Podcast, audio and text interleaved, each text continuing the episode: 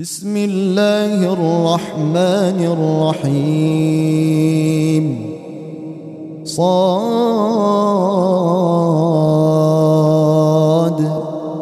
والقرآن ذي الذكر.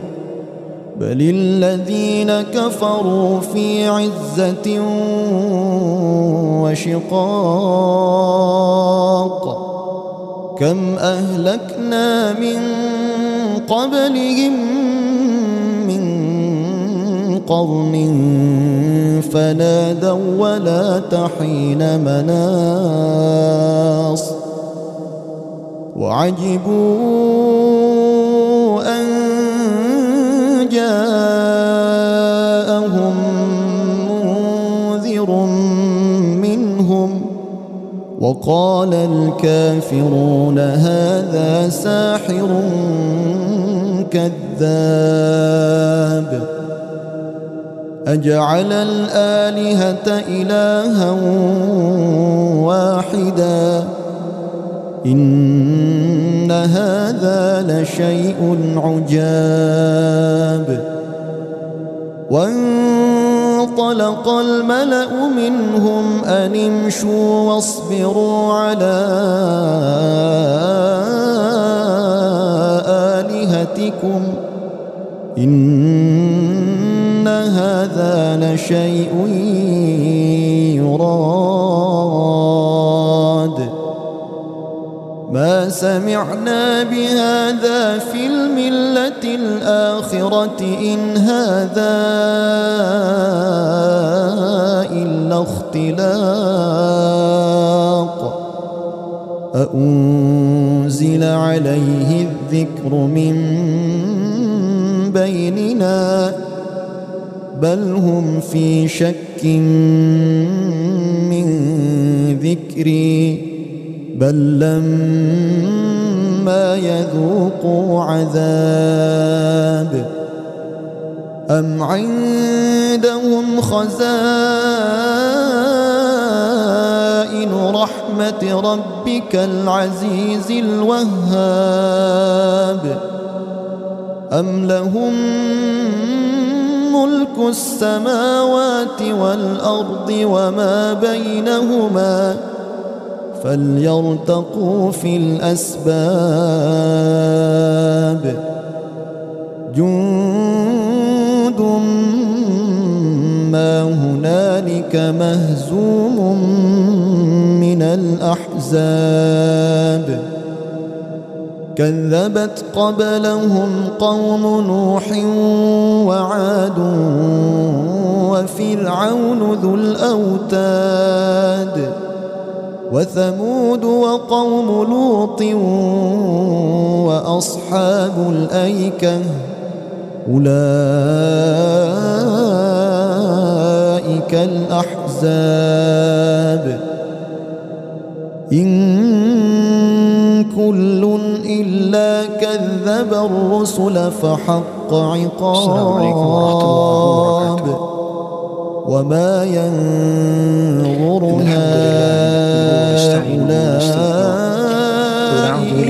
أنفسنا وسيئات أعمالنا. من يهده الله فلا مضل له ومن يضلله فلا هادي له. أشهد أن لا إله إلا الله وحده لا شريك له وأشهد أن محمدا عبده ورسوله.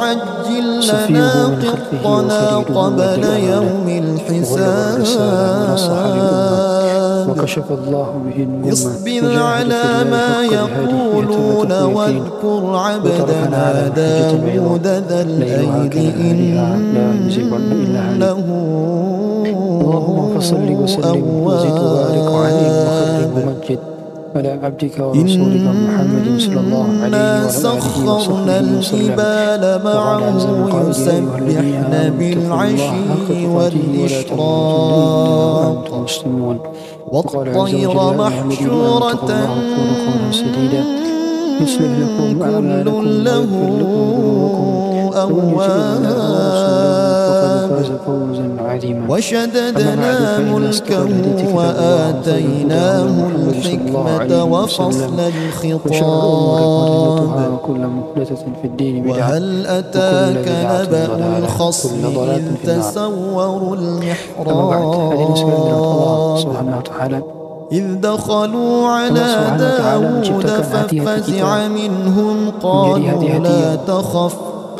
قالوا لا dan memang di antara sifat hati sesuai dengan suku katanya yaitu qalaba qalbun.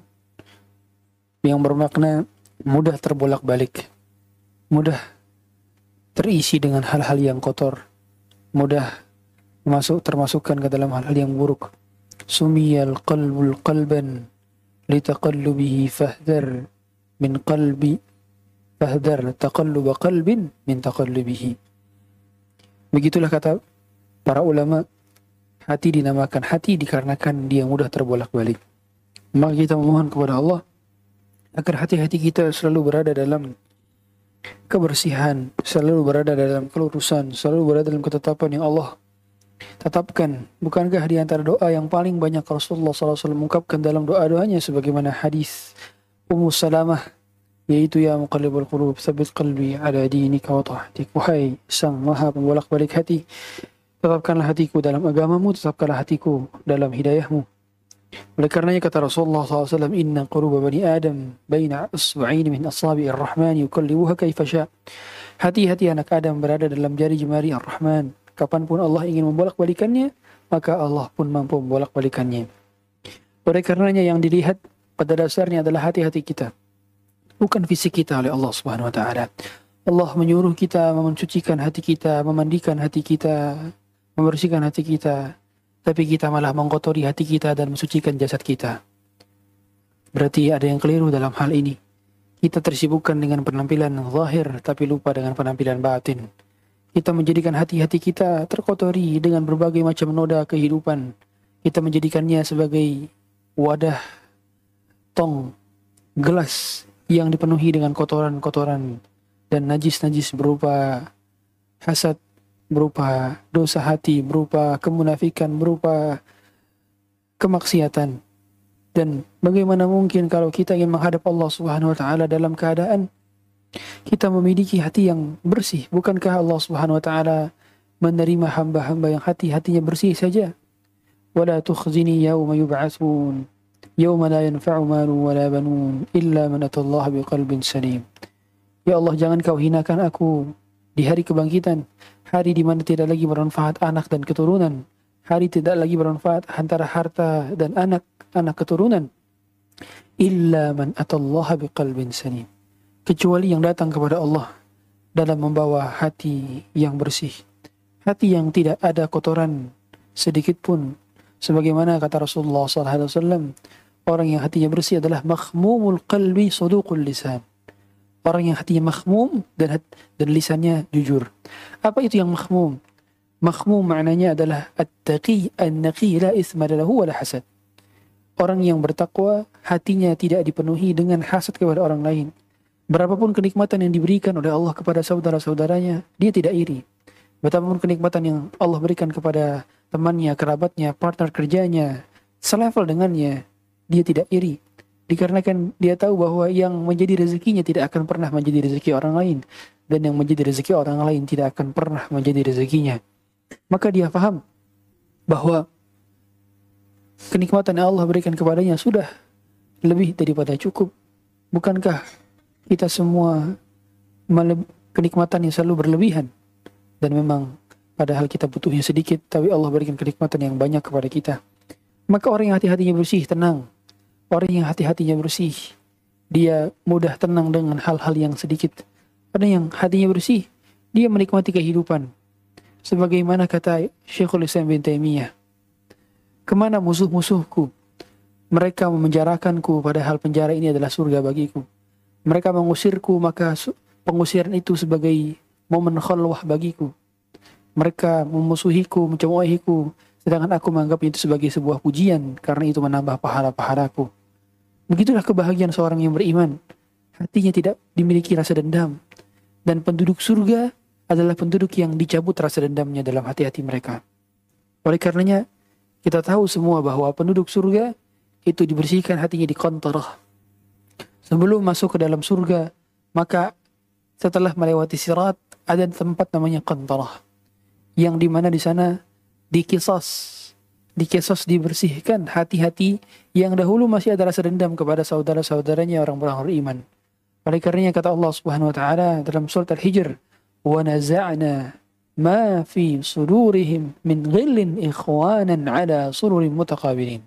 Kami cabut rasa ghil dan dengki dalam hati mereka-mereka. Oleh karenanya di dalam surga tidak akan kita dapati orang yang iri kepada kita dan tidak akan kita dapati kita iri kepada orang. Tidak akan kita dapati iri kepada oh fulan surganya di atas saya sedangkan saya surganya di bawah dia. Tidak akan iri. Dan tidak akan kita dapati kalimat-kalimat hasad kalau dahulu banyak orang yang hasad kepada kita dan kita tidak akan pernah mendapati lagi kita hasad kepada kenikmatan yang Allah berikan kepada orang. Illa qilan salama salama. Semua di sana hanyalah kenikmatan dan kenikmatan. Suara yang kita dengar tidak lagi bising.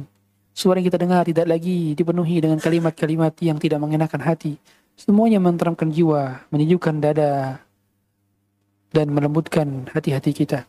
Oleh karenanya para penghuni surga mereka semua saling mengobrol berhadap-hadapan. Kalau sekarang kita ragu-ragu mengobrol dengan orang dikarenakan takut, dia hasad kepada kita. Kita takut kita hasad kepada dia, kita batasi pergaulan.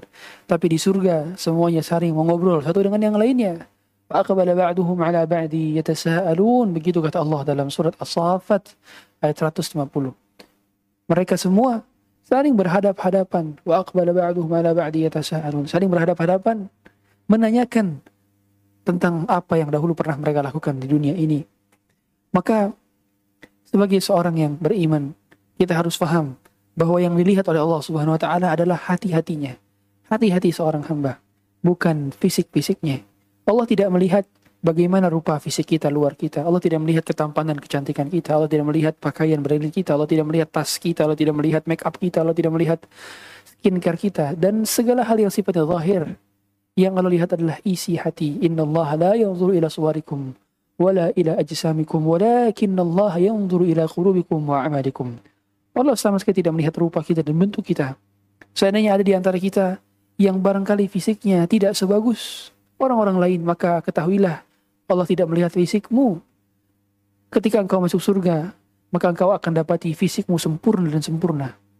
Sebaliknya, ada orang barangkali fisiknya rupawan, cantik menawan, tampan, tapi ternyata hatinya dipenuhi dengan keburukan, maka dia masukkan ke dalam neraka dan tidak akan dia dapati ketampanan lagi dari fisiknya, kecantikan lagi dari rupanya, tidak akan dia dapati.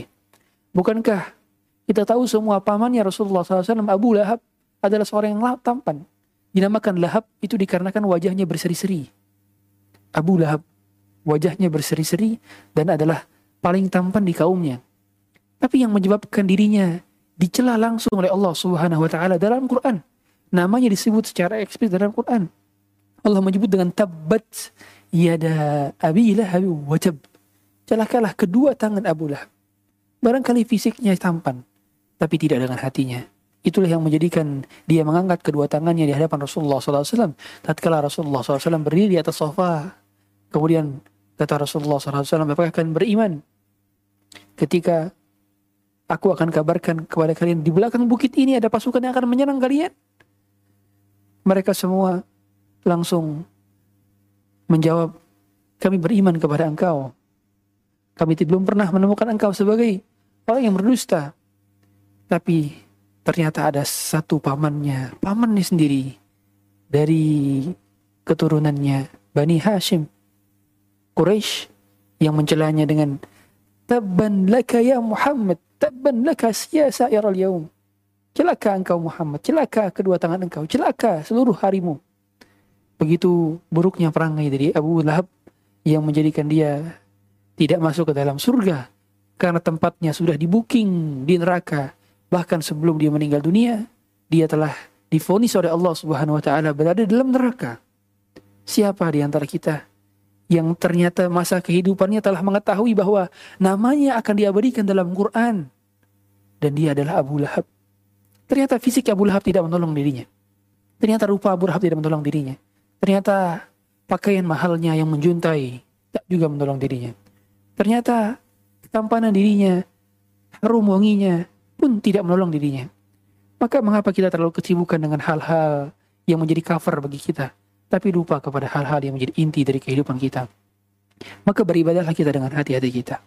Bukankah yang menjadikan seorang itu mendapatkan pahala yang banyak karena kehadiran hatinya dalam ibadah. Dan orang mendapatkan pahala yang sedikit dari ibadahnya karena ketidakhadiran hatinya dalam ibadah. Sebagaimana kata Rasulullah SAW, Laisa laka min salatika illa ma aqalta. Kalian tidak akan mendapatkan pahala dari salat kalian kecuali apa yang kalian fahami dari bacaan-bacaan dengan hati-hati kalian. Maka hati kita ini menentukan sejauh mana kita bisa melewati sirat. Hati ini kita menentukan sejauh mana kita mampu menjawab nanti pertanyaan malaikat. Hati kita ini menentukan sejauh mana kita mampu berdiri di padang mahsyar dengan matahari di atas kepala berjarak satu mil tak memakai alas kaki tak memakai pakaian sehelai pun, tak memiliki, belum dikhitan. Bayangkan, sejauh mana kita akan kuat. Maka hati-hati itulah yang akan menentukan. Oleh karena itu, Nabi Ibrahim saja dikatakan oleh Allah Subhanahu wa taala dalam surat As-Saffat, "Wa inna min syi'atihi la Ibrahim." Wa inna min syi'atihi la Ibrahim. Idh ja'a rabbahu biqalbin salim. Nabi Ibrahim datang kepada Tuhannya dengan hati yang salim, hati yang selamat, hati yang bersih. Kita ingin hati-hati kita seperti hati Ibrahim. Kita ingin sabar-sabar kita seperti sabarnya Ayub. Kita ingin tampan dan rupanya kita seperti tampan dan rupanya Yusuf, tapi juga tampan dan rupa hatinya. Kita ingin kalbu kita seperti kalbu Muhammad bin Abdullah sallallahu alaihi wasallam. Kita ingin hati-hati kita seperti mereka. Ternyata mereka memohon kepada Allah agar mereka diberikan hidayah setiap saat. Maka tujuan daripada kita mengucap ihdinas siratal mustaqim minimal tujuh kali, tujuh belas kali sehari semalam tidaklah lain kecuali agar diistiqomahkannya hati-hati kita. Ya Allah, apabila engkau belum beri aku hidayah, beri aku hidayah. Apabila engkau telah beri aku hidayah, maka tambahkanlah hidayah. Apabila engkau telah tambahkan aku hidayah, maka berikanlah dan bukakanlah pintu hidayah dari arah yang belum engkau bukakan. Maka seorang hendaknya faham bahwa hati itu sensitif. Terlebih lagi para wanita. Para wanita tercipta dengan kelembutan dan para wanita itu sangat-sangat sensitif. Sehingga kata Rasulullah SAW saja wanita disipati dengan gelas-gelas kaca. Kata Rasulullah, urfuk bil qawarir. Lembutlah kalian kepada gelas-gelas kaca. Saking lembutnya wanita, maka wanita lebih mudah lagi untuk terjerumus ke dalam kotornya hati. Begitu kata para ulama. Sehingga para wanita hendaknya kita harusnya lebih berhati-hati terhadap dosa-dosa hati. Dikarenakan dosa-dosa hati banyak tidak disadari oleh kaum wanita. Bukankah Allah Subhanahu wa taala sampai-sampai menspesifikasikan di dalam surat Al-Hujurat ya ayyuhalladzina amanu la yaskhar qaumun min qaumin asa ay yakunu khairan minhum wa la nisa'un min nisa'in asa ay yakunna khairan minhun. Wahai orang-orang beriman, janganlah di antara kalian ada yang mencela satu dengan yang lainnya. Bisa jadi yang kalian cela lebih baik daripada diri kalian yang mencela. Dan para wanita, jangan kalian mencela wanita lainnya. Bisa jadi yang kalian cela lebih baik daripada dari kalian. Mengapa Allah Subhanahu wa taala menspesifikasikan wanita di satu ayat yang sama? Padahal kalau kita perhatikan, ya ayyuhalladzina amanu itu sudah mencukupi wanita dan laki-laki. Sehingga ketika Allah mengatakan ya ayyuhalladzina amanu la yaskhar qaumin min qaumin Wahai orang-orang beriman, laki-laki dan perempuannya, perempuan dan laki-lakinya mencakup dalam amanu mencakup. Tapi Allah spesifikkan lagi wala nisa'um min nisa'in asa ayyakunna khairan minhun. Dan para wanita hendaknya jangan melakukan mengejek sesama wanita. Dikarenakan memang kata para ulama umumnya pengejekan itu kebanyakan sesama wanita. Sesama wanita. Dan hasad itu sesama wanita kebanyakan. Hasad sama wanita. Ejek, ejek sama wanita. Gibah paling banyak sama wanita fitnah paling banyak sama wanita, maka bertakwalah wahai para perempuan. Oleh karenanya kita ketahui semua bahwa penduduk neraka paling banyak adalah para wanita. Disebabkan karena dosa-dosa hal semacam ini. Oleh karena itu para wanita hendaknya kita menjaga hati-hati kita dengan menjaga pandangan, menjaga telinga. Dikarenakan hati adalah corong, corongnya. Dan kita ketahui semua bahwa apa yang terisi dalam hati itu dapat terlihat dari apa yang paling sering diucapkan dan apa yang paling sering didengar.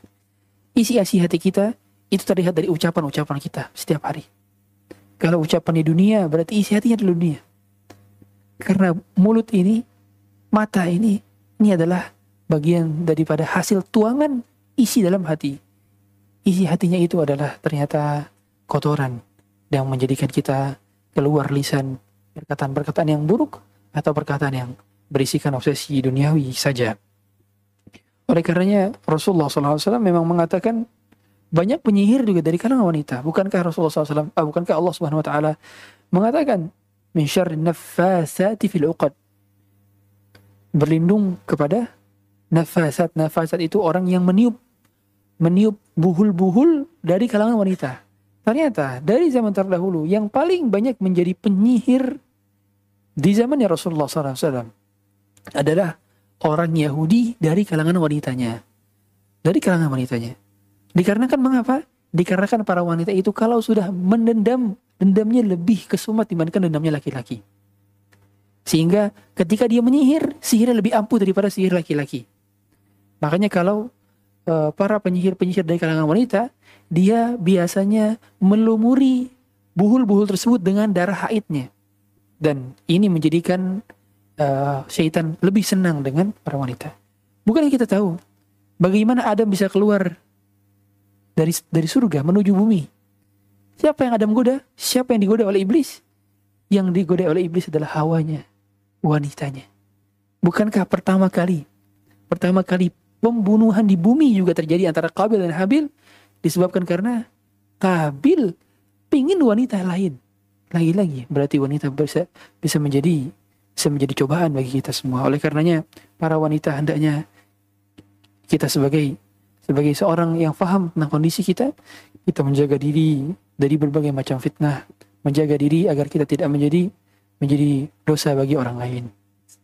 Oleh karenanya hadirin sekalian dirahmati Allah Subhanahu wa taala, pengikut paling banyak saja, pengikut dajjal yang paling banyak dari kalangan wanita. Dari kalangan wanita. Begitu kata Rasulullah SAW, Dajjal nanti akan keluar dari Khurasan diikuti oleh 70 ribu orang dari kalangan Yahudi. Dan ternyata yang paling banyak di antara mereka adalah wanita-wanita dan anak-anak kecil. Mengapa? Dikarenakan para wanita itu mudah terpukau dengan hal yang luar biasa. Sehingga Dajjal mudah untuk menggoda mereka. Oleh karenanya wanita tapi di sisi lain juga Rasulullah SAW pernah mengatakan ما رأيت من ناقصات عقل ولا دين أذهب للرجل الحازم من إحداكن يا معشر nisa. Tidaklah aku pernah melihat ada seorang yang amal ibadahnya amal ibadahnya lebih banyak dibandingkan laki-laki padahal mereka adalah naqisatu aqlin wa dinin. Mereka kurang akalnya, mereka kurang agamanya daripada para perempuan. Berarti para perempuan ketika mereka berilmu, ketika mereka beribadah bisa jadi mengalahkan pahala laki-laki yang teguh dan kuat. Bukankah Maryam pahalanya bisa mengalahkan laki-laki soleh di zamannya? Berarti menunjukkan bahwa wanita bisa lebih unggul dari si pahala dibandingkan laki-laki. Dan ketika Rasulullah mengatakan satu akalin, akalnya lemah, bukan berarti wanita tidak cerdas, bukan banyak wanita lebih cerdas daripada laki-laki. Bukankah tes IQ justru wanita lebih cerdas? Saya dulu SD, SMP, saya dapat ranking satu di kelas 3 SMP saja. Dua SMP sampai ke bawah, itu selalu saya kelas sama wanita ranking satu. Mengapa? Dikarenakan memang wanita bisa lebih cerdas dan bisa lebih rajin. Tapi mengapa Rasulullah mengatakan, nah, ke suatu aklin, secerdas-cerdasnya wanita, tetap yang dominan adalah perasaannya. Oleh karenanya wanita dikatakannya sesuatu akal. Bukan berarti tidak cerdas IQ-nya, tidak. Tapi yang dimaksud adalah wanita secerdas apa pun dia, dia lebih dominan perasaannya. Itulah perasaannya, itulah yang menjadikan dia lembut dan menjadikan dia juga mudah terserang daripada penyakit-penyakit hati. Oleh karenanya peringatan kepada para wanita yang juga ziarah kubur, sering ziarah kubur, maka Rasulullah SAW saya melarang wanita yang sering ziarah kubur. Ziarah kubur boleh, tapi tidak boleh sering-sering bagi para wanita. Dikarenakan kata Rasulullah SAW, La'anallahu zawaratil kubur. Allah melaknat tukang ziarah kubur dari kalangan wanita. Mengapa? Dikarenakan para wanita itu umumnya hatinya lebih lebih lembut sehingga kalau sering-sering ziarah kubur dikhawatirkan malah menjadikan itu sebagai ratapan dan kita tidak boleh terlalu meratapi si mayit sehingga beranggapan kalau hal yang demikian adalah menyalahi takdir yang sudah Allah tentukan. Maka kalau uh, sekedar ziarah kubur saja tidak sering-sering maka ini diperbolehkan. Tapi kalau sering-sering dijadikan sebagai kebiasaan, maka ini terlarang khusus bagi para wanita. Oleh karenanya kalau kita tahu di Baki itu wanita tidak boleh masuk makam al-Baki. Hanya laki-laki saja yang masuk. Dibuka itu ada subuh dan ada asar. Dan yang menjadikannya uh, hal demikian dikarenakan khawatirkan wanita itu meratapi orang-orang yang sudah meninggal dunia. Meskipun memang ziarah kubur itu memiliki manfaat, sebagaimana kata Rasulullah SAW, Zurul kubur fa innaha tudakirukumul akhirah. Ziarahlah kubur, kunjungilah orang-orang sakit, lihatlah orang-orang miskin. Maka inilah yang menjadi pelembut lembut hati. Jadi yang menjadikan lembut lembut hati kita itu adalah ketika bersama orang-orang fakir dan miskin. Demi Allah hadirin, kita tidak akan dapati kelembutan hati-hati kita kalau kita bergaulnya kepada orang-orang kaya saja. Tidak akan kita dapati. Coba kita sering-sering duduk bersama orang fakir dan miskin. Duduk di panti asuhan. Duduk kita menjenguk orang-orang sakit. Kita mendatangi kuburan untuk sesekali kita melihat bahwa inilah tempat terakhirku. Tempat terakhirku adalah tempat yang ukurannya dua kali satu. Aku akan memakai pakaian kain putih. Helai kain putih yang tak berjahit. Hanya beberapa helai saja. Kalau laki-laki tiga helai, ya perempuan lima helai. Hanya beberapa saja. Lihatlah, itulah pelembutan hati kita. Bukan kata Rasulullah SAW ketika ditanya, Wahai Rasulullah, bagaimana agar hati-hati kami lembut? Maka kata, kata Rasulullah SAW, Ida aradta an yarina qalbuka fatta'imil miskina wamsah ra'sal yatim. Kalau kamu ingin hatimu lembut, maka usapkanlah tanganmu kepada kepala anak yatim dan berikan makanlah kepada fakir dan miskin. Berarti dua hal cara yang menjadikan kita hati-hati kita lembut adalah kita mencari kepala anak yatim. Kita usap kepala-kepala mereka. Tapi ingat Bapak Ibu ya, jangan cuma diusap doang. Kalau punya duit kasih.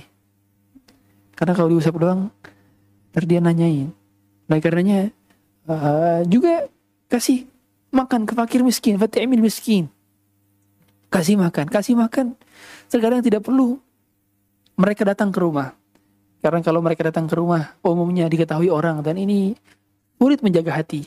Seringnya kita datang kepada rumah-rumah mereka, memberi makan dan hadiah kepada kepada mereka. Bukannya kita banyak sekali kita memiliki memiliki makanan di rumah. Rasulullah SAW itu hidupnya paling efisien. Yang beliau butuh beliau konsumsi, yang tidak beliau butuhkan beliau sedekahkan. Sehingga kalau seandainya ada roti yang berlebih di dalam rumah, maka segera beliau sedekahkan. Kalau ada kurma yang berlebih, sisanya beliau sudah makan, maka sisanya lagi beliau sedekahkan. Terus begitu. Dan ini menjadikan hidup kita efisien. Kita tidak banyak dihisap. Sedangkan kita banyak yang kita butuhkan sedikit, tapi yang sisa banyak, lebihnya banyak. Akhirnya menjadi tumpukan banyak di lemari. Baju-baju berbagai macam warna di lemari. Lihatlah lemari-lemari kita. Kita akan menghisap banyak nanti di akhirat. Lihatlah furnitur kita, tupperware kita. Berapa yang kita pakai? Yang kita pakai berapa? Ternyata itu itu saja. Bukankah ini akan menjadi per, memperlama hisap? Memperlama hisap. Lihatlah rak sepatu. Sepatu kita. Apakah yang kita gunakan setiap hari? Semuanya ternyata yang kita gunakan itu-itu saja. Lihatlah baju-baju kita. Kerudung-kerudung kita. Oleh karena itu hadirin sekalian. Mulai dari sekarang. Efisiensikanlah hidup. Terkadang kita ini butuh mengefisiensikan hidup karena kita merasa bahwa yang kita bawa terlalu banyak. Tidakkah kita saksikan bahwa kata Rasulullah SAW orang-orang miskin dari kalangan muhajirin. Mereka masuk surga lebih awal. 500 tahun sebelum orang-orang kayanya. Inna fuqara al-muhajirin yadkhulun jannah qabla aghniyaihim binisfil yawm. Setengah hari mereka sudah masuk terlebih dahulu. Setengah hari di akhirat sama dengan 500 tahun di dunia. Dikarenakan satu hari di akhirat sama dengan 1000 tahun di dunia. Berarti orang fakir miskin lebih masuk cepat. Mengapa mereka masuk cepat? Dikarenakan hisapnya ringan, mudah. Sedangkan kita hisapnya lama. Yang kita punya banyak, yang kita keluarkan juga banyak.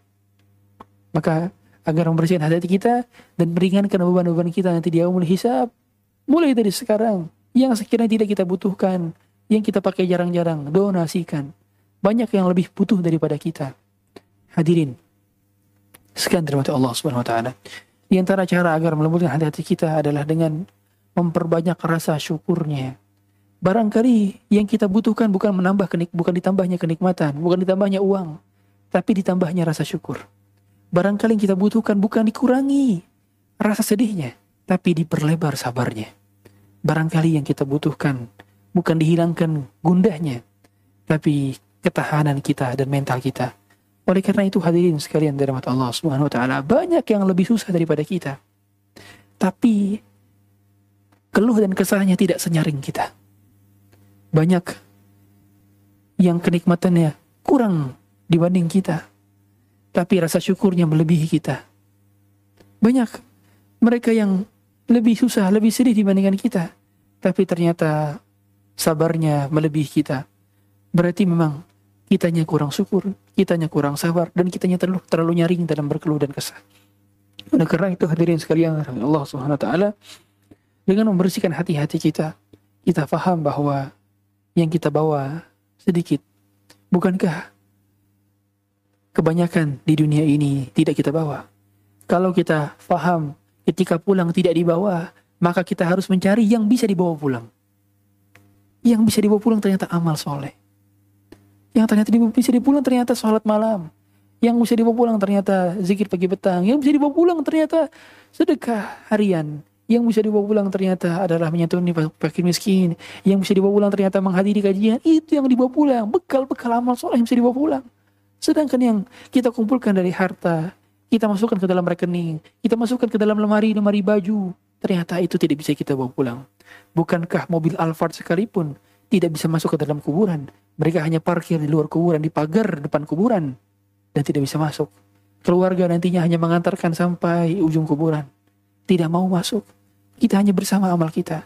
Oleh karena itu kata Rasulullah SAW, tiga hal yang mengikuti mayit dua hal pulang, satu hal kembali, satu hal. Yabqa ma'ah wahid, satu bersamanya. Ternyata yarju ahduhu wa maluh. Keluarganya pulang, hartanya pulang, sedangkan dirinya bersama amalnya saja berada dalam kuburan. Berarti memang agar melembutkan hati-hati kita dengan memperbanyak mengingat akhirat. Orang yang mengingat akhirat, maka hatinya akan lembut. Dia tidak banyak angan-angan. Bukankah angan-angan manusia selalu melebihi ajalnya? Iya. Padahal ajalnya amat telah dekat. Dan pasti orang yang mati tidak akan pernah sadar bahwa dia akan mati besok. Tidak akan pernah yakin. Ternyata dia diwafatkan hari ini. Dia tidak akan yakin bahwa ternyata dia mati besok. Begitulah memang. Kita sudah tidak sadar bahwa yang paling dekat adalah kematian-kematian kita. Bukankah yang akan datang itu dikatakan berarti dia adalah yang paling dekat. Sedangkan yang paling dekat adalah kematian-kematian kita. Hadirin sekian terhormat Allah Subhanahu wa taala. Ada beberapa tanda bahwa hati kita bermasalah. Hati kita kotor. Hati kita sedang berada dalam kebinasaan. Yang pertama, sulit khusyuk dalam sholat. Kalau kita ketika sholat masih memikirkan pintu kayaknya belum dikunci, masih memikirkan kompor kayaknya belum dimatiin, masih memikirkan kayaknya tadi belum ditutup makanan. Berarti Anda menyebabkan hal-hal yang menyebabkan kita tidak sholat. Tidak, tidak khusyuk dalam sholat. Kemudian juga kita masih memikirkan dunia dalam sholat-sholat kita. Makanya mengapa Bapak Ibu sekalian, kalau kita sedang sholat, justru malah ide-ide bermunculan, maka itu bukan ilham Bapak Ibu. Itu bukan wahyu. Itu adalah syaitan syaitan bernama Khinzib. Ya, yuqan lahu Khinzib. Dia mengatakan, udkur kada, udkur kada, ingat ini, ingat itu. Akhirnya ketika kata sholat, muncul ide-ide. Sebelum sholat nggak muncul. Pas sholat malah muncul. Ini bertanda bahwa mengingatnya sesuatu di dalam sholat menunjukkan bahwa itu bukan ilham. Itu adalah dari syaitan. Maka agar kita khusyuk dalam sholat, kita memahami bacaan sholat kita. Setiap kalimat-kalimatnya. Bukankah setiap kali bacaan surat Al-Fatihah itulah doa-doa yang kalau orang memahami hakikat daripada tafsir Al-Fatihah, dia akan menangis setiap ayat yang dia baca. Setiap kali dia mengungkapkan Iyyaka na'budu wa iyyaka nasta'in. Hanya kepada Engkau kami menyembah dan hanya kepada Engkau kami mohon pertolongan. Tidak ada sebut satu yang zat yang bisa dimintai tolong kecuali Engkau. Tidak ada satupun zat yang berhak untuk diibadahi selain Engkau. Tidak ada zat pun yang memberikan pertolongan kepada Engkau. Andai saja kita bisa bersandar kepada bumi, bumi pun akan rapuh. Andai saja kita bisa bersandar kepada potong pohon akan tumbang. Andai saja kita bisa bersandar kepada manusia, manusia akan fana. Ternyata tempat bersandar hanyalah Engkau. Kita fahami makna iya karena wa iya karena stain saja bisa menangis terseduh-seduh. Apalagi kalau kita mengucapkan eh dinas siratal mustaqim. Ya Allah berikanlah aku hidayah. Aku sesat. Maka engkaulah yang memberiku jalan petunjuk. Aku hilang. Engkaulah yang menunjukkan aku ke jalan yang benar. Aku terlunta-lunta. Maka engkaulah yang memberikan jalan yang terbaik. Begitulah seorang hamba ketika memahami hakikat dari bacaan Al-Fatihahnya. Yang menjadikan dia menikmati bacaan sholatnya. Yang menjadikan dia tidak tergesa-gesa dalam sholatnya yang menjadikan dia berluruhan air mata ketika dia berada dalam sholatnya. Itu yang menjadikan kita memiliki hati-hati yang bersih. Berarti kalau kita tidak khusyuk, maka pertanda bahwa ada yang kotor dalam hati-hati kita dan hendaknya kita segera menyucikan hati-hati kita, membersihkan hati-hati kita, memandikan hati-hati kita agar jangan sampai dia menjadi ran. Apa itu ran? Sebagaimana kata Rasulullah SAW, "Idza adnaba al-'abdu dzamban nukitat fi qalbihi nuqtatun sauda." Dalam hadis riwayat Muslim, ketika seorang hamba berbuat dosa, maka ditulislah nokta hitam dalam hatinya sehingga dia semakin bertambah keburukan dalam hatinya. Kalau dia mengulang kembali perbuatan dosa tersebut, maka ditambahkan nokta hitam hatta ta'du qalbuh sampai hatinya mengeras menjadi ran sebagaimana Allah katakan kalla bal Ra'ana qada ala qulubihim ma kanu yaksibun. Keras hati-hati mereka. Dan orang kalau hatinya sudah keras, keburukan dan kebaikan sama saja di depan dia. Kebatilan dan kebenaran sama saja di depan dia. Dia tidak menganggap lagi sebagai sebuah kebenaran atas kebatilan. Dan dia juga menganggap bahwa kebatilan itu adalah kebenaran. Ini yang menjadikan kita keras hatinya kalau kita tidak segera beristighfar atas dosa yang kita lakukan. Kemudian Ciri kedua, orang yang hatinya tidak bersih atau orang yang hatinya ada noda dalam hatinya adalah mereka yang tidak betah berlama-lama dalam membaca Quran. Jadi kalau rasanya lembaran halaman Quran yang kita baca kok ngantuk dibandingkan kita baca WA, baca grup, scroll sana sini, ternyata kita tidak betah untuk membaca Quran. Berarti penyebab utamanya adalah dikarenakan kita kotor hatinya.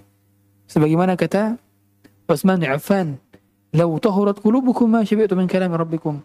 Kalau seandainya kalian bersih hati-hati kalian, maka kalian tidak akan pernah kenyang membaca kalam-kalam Allah Subhanahu wa taala. Berarti yang menyebabkan kita bosan, cepat bosan membaca Quran karena adanya noda-noda dalam hati kita yang belum kita bersihkan. Cara membersihkan hatinya adalah dengan cara banyak-banyak beristighfar dan bertobat segera kepada Allah menjauhi dan meninggalkan kemaksiatan dan segera kembali kepada Allah dengan amal-amalan oleh begitu cara memberikan hati. Kemudian yang berikutnya adalah cara melihat hati kita kotor atau tidak. Kalau hati kita kotor, tanda berikutnya adalah kalau kita mudah suudzon kepada orang lain. Berarti sebaliknya, tanda hati yang bersih adalah orang-orang yang husnudzon selalu kepada orang lain. Husnudzon kepada orang lain. Kita lagi bawa mobil misalnya. Tiba-tiba kaca spion kita kena orang yang lagi naik motor. Petak. Kemudian istri kita bilang, kok kamu gak marah mas? Pencet klakson lah. Ngapain marah sama orang yang lagi kebelet pup? Padahal dia mungkin gak tahu. Siapa tahu tuh orang kebelet pup. Siapa tahu dia lagi ke rumah sakit lagi mau darurat ambulans, mau manggil ambulans untuk anaknya yang lagi sakit di rumah atau istrinya yang lagi sakit di rumah. Kita nggak tahu. Tapi husnuzon semacam itulah yang membuat nikmat dalam hati. Yang membuat kita jadi nggak pernah seuzon kepada orang lain. Akhirnya kita beranggapan bahwa saya nggak pernah punya masalah sama orang lain. Karena tidak enak hadirin sekalian. Melihat dan menyaksikan saudara-saudara kita terbuka aibnya itu tidak mengenakan. Bukankah Rasulullah SAW mengatakan, jangan di antara kalian para sahabat mengungkapkan keburukan seorang di hadapanku. Fa inni uhibbu an akhruja ilaikum wa ana salimus sadar. Aku mengharapkan keluar rumah dalam keadaan hatiku lapang, dalam keadaan hatiku tenang. Dikarenakan mengetahui aib orang lain adalah keberat, berat. Mengetahui aib orang lain adalah berat. Dan membuat kita seringnya menjadi su'uzan kepada orang lain. Maka tanda hati yang bersih adalah tidak su'uzan dan tanda hati kotor adalah sering-sering su'uzan kepada orang-orang beriman. Maka ada beberapa kiat. Kalau tadi tanda-tanda hati kita kotor, yang berikutnya adalah beberapa kiat agar hati-hati kita bersih. Yang pertama adalah menjaga lisan. Menjaga lisan. Kita tahu semua bahwa lisan ini adalah corong dari isi hati. Sehingga kita menjaga lisan. La yastaqimu iman abdin hatta yastaqima qalbuh. Wa la yastaqimu qalbuh hatta yastaqima. Tidak lurus iman seorang hamba sampai lurus hatinya dan tidak lurus juga hati seorang hamba sampai lurus lisannya. Berarti lisan itu adalah cerminan hati dan hati adalah cerminan iman. Berarti kita harus meluruskan isi-isi hati kita. Jangan kita konsumsi berbagai macam dan jangan kita komentari segala hal. Berarti memang banyak hal yang tidak perlu kita komentari. Dan komentar kita terhadap suatu hal yang belum kita ketahui ilmunya, inilah yang menjadikan kita terjerumus ke dalam dosa, dosa lisan. Betapa banyak hati-hati yang mengeras dikarenakan dia seling berkomentar terhadap hal-hal yang dia tidak ketahui kebenarannya. Dan ternyata sekarang kita dapati orang lebih banyak berkomentar dengan jari jemarinya dibandingkan dengan lisan yang berada dalam bibirnya dan mulutnya. Jadi jemari kita lebih penting untuk kita tahan hari-hari ini dibandingkan lisan kita. Barangkali lisannya diam, tapi jari jemarinya tidak diam. Ingat, analisa kita bisa jadi salah. Opini kita bisa jadi keliru. Tapi catatan tersebut oleh malaikat sudah tercatat. Ma yalfidhu min qawlin illa ladaihi raqibun atid. Tidaklah setiap kata yang terucap, tidaklah setiap bait yang terucapkan kecuali di kanan kirinya ada malaikat yang mencatatnya dari raqib dan atid.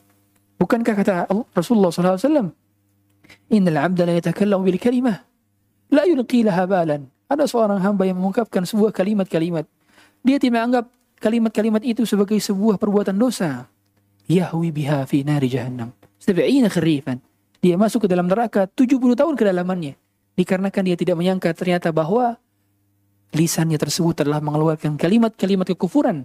Kalimat-kalimat yang mendatangkan murkanya Allah subhanahu wa ta'ala. Maka jagalah lisan kita. Betapa banyak sekarang orang menjadi kufur. Kufur keimanan kepada Allah. Dikarenakan karena dirinya lisannya tidak dijaga karena perbuatan-perbuatan kalimat kekufuran yang terungkap dari lisannya. Kemudian di antara cara kedua agar hati kita bersih selain menjaga lisan, memperbanyak istighfar. Memperbanyak istighfar. Hadirin kita bisa istighfar di mana pun kapan pun kecuali di toilet. Di mana pun kapan pun. Lagi menunggu antrian, lagi menunggu ojek online, lagi menunggu uh, eh, BPJS, lagi menunggu rumah sakit, lagi mengantri, apa pun bisa kita. Kita lagi berada di mobil saja, saya lagi mobil lagi di perjalanan. Uh, kita lagi nungguin siapa, bisa istighfar kapan pun. Berangkat kerja, pulang kerja, bisa istighfar. Istighfar, astagfirullah, astagfirullah, astagfirullah. Bahkan jeda antara kita ngobrol dengan ngobrol. Biasanya kita kalau ngobrol, kan ngobrol, ngobrol-ngobrol, terus diem. Nah, kenapa kita nggak istighfar di jeda antara ngobrol dengan ngobrol? Ngobrol, kadang-kadang kita ngobrol bersama temen, ngobrol, lagi ngobrol seru-serunya. Tiba-tiba diem kan, hening. Astagfirullah, astagfirullah, Nah, lagi diem-diem seperti itu, istighfar langsung. Karena kita nggak tahu apakah ada dosa yang tercipta pada saat kita mengobrol tersebut. Oleh karenanya ketika kita berada di satu majelis, setiap kita mengakhiri majelis, baca apa? Kafaratul kafaratul majelis. Subhanakallahumma bihamdika asyhadu an la ilaha illa astaghfiruka wa atubu Itu menjadikan terhapusnya dosa yang banyak ketika kita mengucapkan kalimat-kalimat pada dalamnya. Ya, kata Rasulullah SAW, "Man jalasa fi majlisin kathura fihi laghatuh." Faqala qabla an yaqu, faqabla faqabla an yaqum, dia berkata sebelum dia berdiri Subhanakallah bihamdika asyhadu an la ilaha illa astaghfiruka wa kecuali pasti dihapuskan dosanya yang telah lalu sebagaimana dia mengungkapkan kalimat-kalimat dosa dalam majelisnya. Maka hendaknya kalau majelis ilmu saja yang kalau Allah oleh Rasul saja hendaknya juga kita mengungkapkan kalimat di akhirnya subhanallah wa bihamdika asyhadu an la ilaha illa itu saja itu butuh kafaratul majlis barangkali ada uh, lisan dari dai yang keliru. Apalagi kalau kita ngobrol berjam-jam bersama teman kita butuh dengan kalimat-kalimat istighfar setelahnya. Dan inilah yang menjadikan makanya banyak bumi bersaksi. Yauma idin tuhadithu akhbaraha. Nanti bumi akan banyak bersaksi dan mereka semua nanti akan bersaksi di hadapan Allah tentang apa yang dikerjakan oleh si manusia yang berada di atasnya. Kalau banyak tanah yang pernah kita istighfar, misalnya saya istighfar di rumah Al-Hujjah ini, nanti tanah Al-Hujjah ini akan bersaksi di hadapan Allah Subhanahu wa taala, ya Rabb, si fulan dahulu pernah beristighfar. Tiap kali lampu merah kita istighfar. Subhanallah. Banyak sekali pahala. Oleh karenanya kata Rasulullah SAW, tuba. Beruntunglah. Liman wajada fi sahifatihi istighfaran kathiran. Beruntunglah orang-orang yang dia mendapati banyak catatan amalnya dari catatan istighfar. Istighfar. Rasulullah SAW istighfar 70 kali sehari semalam. Diriwayatkan juga dalam riwayat lain 100 kali sehari semalam. Dan kita juga diperintahkan untuk beristighfar dalam zikir bagi petang kita. Pagi dan petangnya masing-masing 100 kali. Ya. Uh, oleh karenanya orang-orang yang beristighfar mereka umumnya nantinya akan menyesali adanya satu waktu terlewat. Sebagaimana kata hadis riwayat Tabrani bahwa orang-orang beriman nanti akan menyesal adanya waktu terbuang sia-sia tanpa zikir kepada Allah. Di hadis Tabrani. Rasulullah mengatakan bahwa nanti orang beriman akan menyesal. Mengapa detik itu tidak diisi dengan istighfar? Mengapa detik ini tidak diisi dengan istighfar? Dia akan menyesal. Menyesal. Banyak sekali lalu kita. Lalu, lalang. Bahkan kita bisa sambil, sambilan Bapak Ibu sekalian. Kita bisa sambilan. Sambil memasak kenapa tidak dibumbui dengan istighfar juga? Sambil membenah rumah, mencuci piring, mengapa tidak diiringi dengan istighfar-istighfar juga? Bukankah lisan kita diam ketika kita beraktivitas tersebut? Dan bisa ternyata diisi dengan istighfar. Dahsyatnya istighfar hadirin sekalian. Mampu mendatangkan rezeki dari arah yang tidak pernah disangka-sangka. Bukankah Nabi Nuh ketika berkata kepada kaumnya, "Faqultu astaghfiru rabbakum innahu kana ghaffara." يرسل السماء عليكم إضرارا ويمددكم بأموال وبنين ويجعل لكم جنات ويجعل لكم أنهارا berarti istighfar mampu menjadikan orang yang belum punya anak menjadi punya anak mampu menjadikan orang yang kering dan gersang di kampungnya, di tempat wilayahnya, menjadikan dia mampu terhuru, terairi air hujan, dan mampu menjadikan orang yang rezekinya sempit, terlilit hutang, banyak masalah problem, terlilit pinjol, akhirnya dia hutang sana sini, belum terlunasi hutangnya, maka mampu terselesaikan dengan istighfar. Maka begitu pula Hasan al Basri ketika ada tiga orang yang datang kepada yang satu yang satu rezekinya sedikit, yang satu lagi panennya terkendala dikarenakan kering, yang satu lagi belum punya anak. Semuanya dijawab oleh Hasan al-Basri dengan istighfar, istighfar, istighfar. Satu menit saja Bapak Ibu sekalian, satu menit itu 60 detik. Kita bisa menghasilkan 100 kali istighfar dalam satu menit. Silahkan coba dengan stopwatch masing-masing. Astagfirullah, astagfirullah, astagfirullah. Itu 60 detik bisa 100 kali istighfar bisa menghapuskan buih-buih dosa sebanyak lautan. Dan kita lalai di detik-detik kita dan menit-menit kita. Ke mana detik-detik yang kosong-kosong itu? Istighfar Bapak Ibu sekalian. Ya. Kemudian Bapak Ibu sekalian rahmat Allah Subhanahu wa taala agar hati kita menjadi bersih ini keberapa? Ketiga apa kedua? Nah, ketiga. Jangan terlalu tahu banyak urusan orang kepo. Kepo. Jangan terlalu banyak tahu urusan orang. Jadi kalau ada isu yang sekiranya kita nggak perlu tahu, ada isu yang sekiranya tidak menambah ilmu kita, tidak menambah amal kita, hanya kita senang saja mendengarkan aib orang lain, maka hindarkan. Jadi kalau ada teman kita yang mengatakan, kamu tahu gak? Ini, ini, ini. Oh maaf, saya nggak tahu dan saya nggak mau tahu juga. Berarti kita penting di zaman ini untuk tidak tahu dan tidak mau tahu. Terkadang kita tidak tahu, tapi mau tahu, akhirnya tahu. Ini yang menjadikan hati-hati kita kotor. Dikarenakan beban hidup itu adalah mengetahui aib orang lain. Iya, betul. Oleh karena itu, di zaman-zaman semacam ini, perkara-perkara yang kita harus sedikitkan adalah berinteraksi dengan sosial media kita. Berinteraksi dengan teman-teman yang sekiranya setiap kali ketemu, dia membicarakan keburukan orang lain. Hindari. Perbanyaklah teman-teman yang kalau kita bertemu dengannya, dia tidak mengungkapkan kecuali kebaikan-kebaikan orang lain saja. Masya Allah fulan, Masya Allah fulanah begini, begini, begini. Masya Allah fulan begini, begini, begini. Ini ungkaplah kebaikan-kebaikan sehingga hati kita tenang. Dan ingin mencontohkan orang tersebut seperti itu.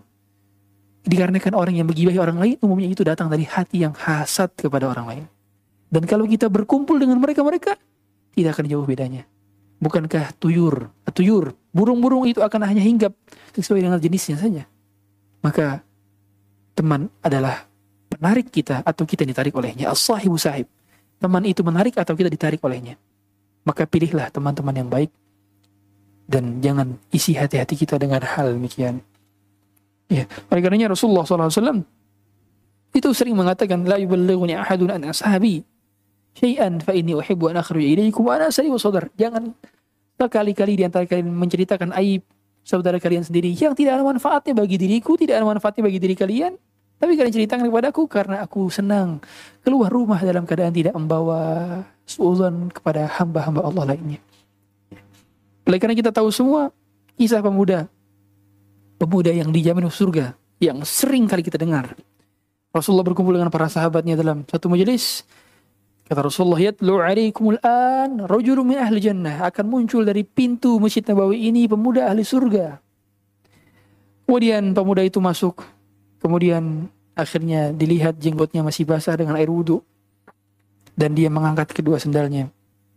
Sampai tiga hari berikutnya demikian, ternyata dicek di rumahnya oleh Abdullah bin Amr bin As. Tidak dapati amalan hariannya, tidak dapati amalan yang istimewa, biasa-biasa saja, seperti layaknya orang-orang pada umumnya. Ternyata dia mengatakan, setiap sebelum tidur, aku memaafkan seluruh orang yang menzalimiku, dan aku tidak pernah hasad kepada orang yang yang diberikan kenikmatan oleh Allah. Ini yang menjadikan dia masuk ke dalam surga dijamin oleh Rasulullah SAW. Kemudian yang berikutnya hadirin sekalian terhadap Allah Subhanahu Wa Taala. Di antara cara berikutnya agar hati kita mudah untuk bahagia dan hati kita bersih adalah berusaha memperbanyak amalan-amalan ketika sendirian. Berarti harus ada kalau misalnya amalan-amalan yang sekiranya itu nggak bisa, nggak bisa, nggak ketahuan. Harus ada amalan yang nggak ketahuan. Misalnya kita sedekah ke satu orang atau ke sedekah ke ke tempat-tempat yang orang lain nggak tahu, siapa pun nggak tahu. Bahkan tangan kiri kita tidak tahu apa yang dilakukan oleh tangan kanan kita. Harus ada. Harus ada malam-malam yang tidak diketahui kita sholat malam. Harus ada sedekah yang kita tidak tahu yaitu sedekah. Dahulu makanya Ali bin Zain al-Abidin. Ali Zain al-Abidin. Ali Zain al-Abidin. Ali bin Hussein bin Ali bin Abi Talib. Cucunya Ali bin Abi Talib. Anaknya Hussein. Seorang tabi'in, ulama. Beliau dahulu dikenal oleh kaumnya, ini seorang pelit. Seorang alim, ulama tapi pelit. Mereka menyangkanya demikian. Masyarakat menyangkanya ini orang pelit karena jarang terlihat sedekah. Jarang terlihat sedekah. Jarang terlihat sedekah. Ternyata ketika meninggal dunia, punggungnya hitam-hitam legam. Punggungnya hitam legam. Dicari mengapa kok punggungnya bisa hitam legam. Pembantunya nggak tahu, dia punya budak banyak nggak tahu. Ternyata ada yang mengungkapkan salah seorang di antara mereka masyarakatnya, saya nggak tahu. Tiap pagi selalu menemukan gandum sekarung-karung di depan rumah saya. Oh ternyata setiap malam, ketika orang lain pada tidur semuanya, dia meminggul gandum-gandum itu berkarung-karung dan memberikannya ke tempat-tempat fakir miskin di depan rumah-rumah mereka. Sehingga tiap pagi mereka menemukan gandum itu di depan rumah mereka dan tidak tahu siapa yang memberikannya. Dia punya saja, dia punya pembantu, dia punya budak, tapi tidak dia suruh mereka karena agar tidak diketahui oleh seorang pun kecuali Allah saja yang mengetahuinya. Begitulah cara para ulama menyembunyikan amal mereka. Mengapa tidak kita sembunyikan amal-amal kita? Bagaimana kita menyembunyikan dosa-dosa kita?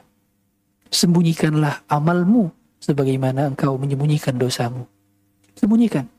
Kalau perlu tidak ada yang perlu tahu, tidak ada yang perlu tahu. Cukup kita dengan Allah saja yang tahu.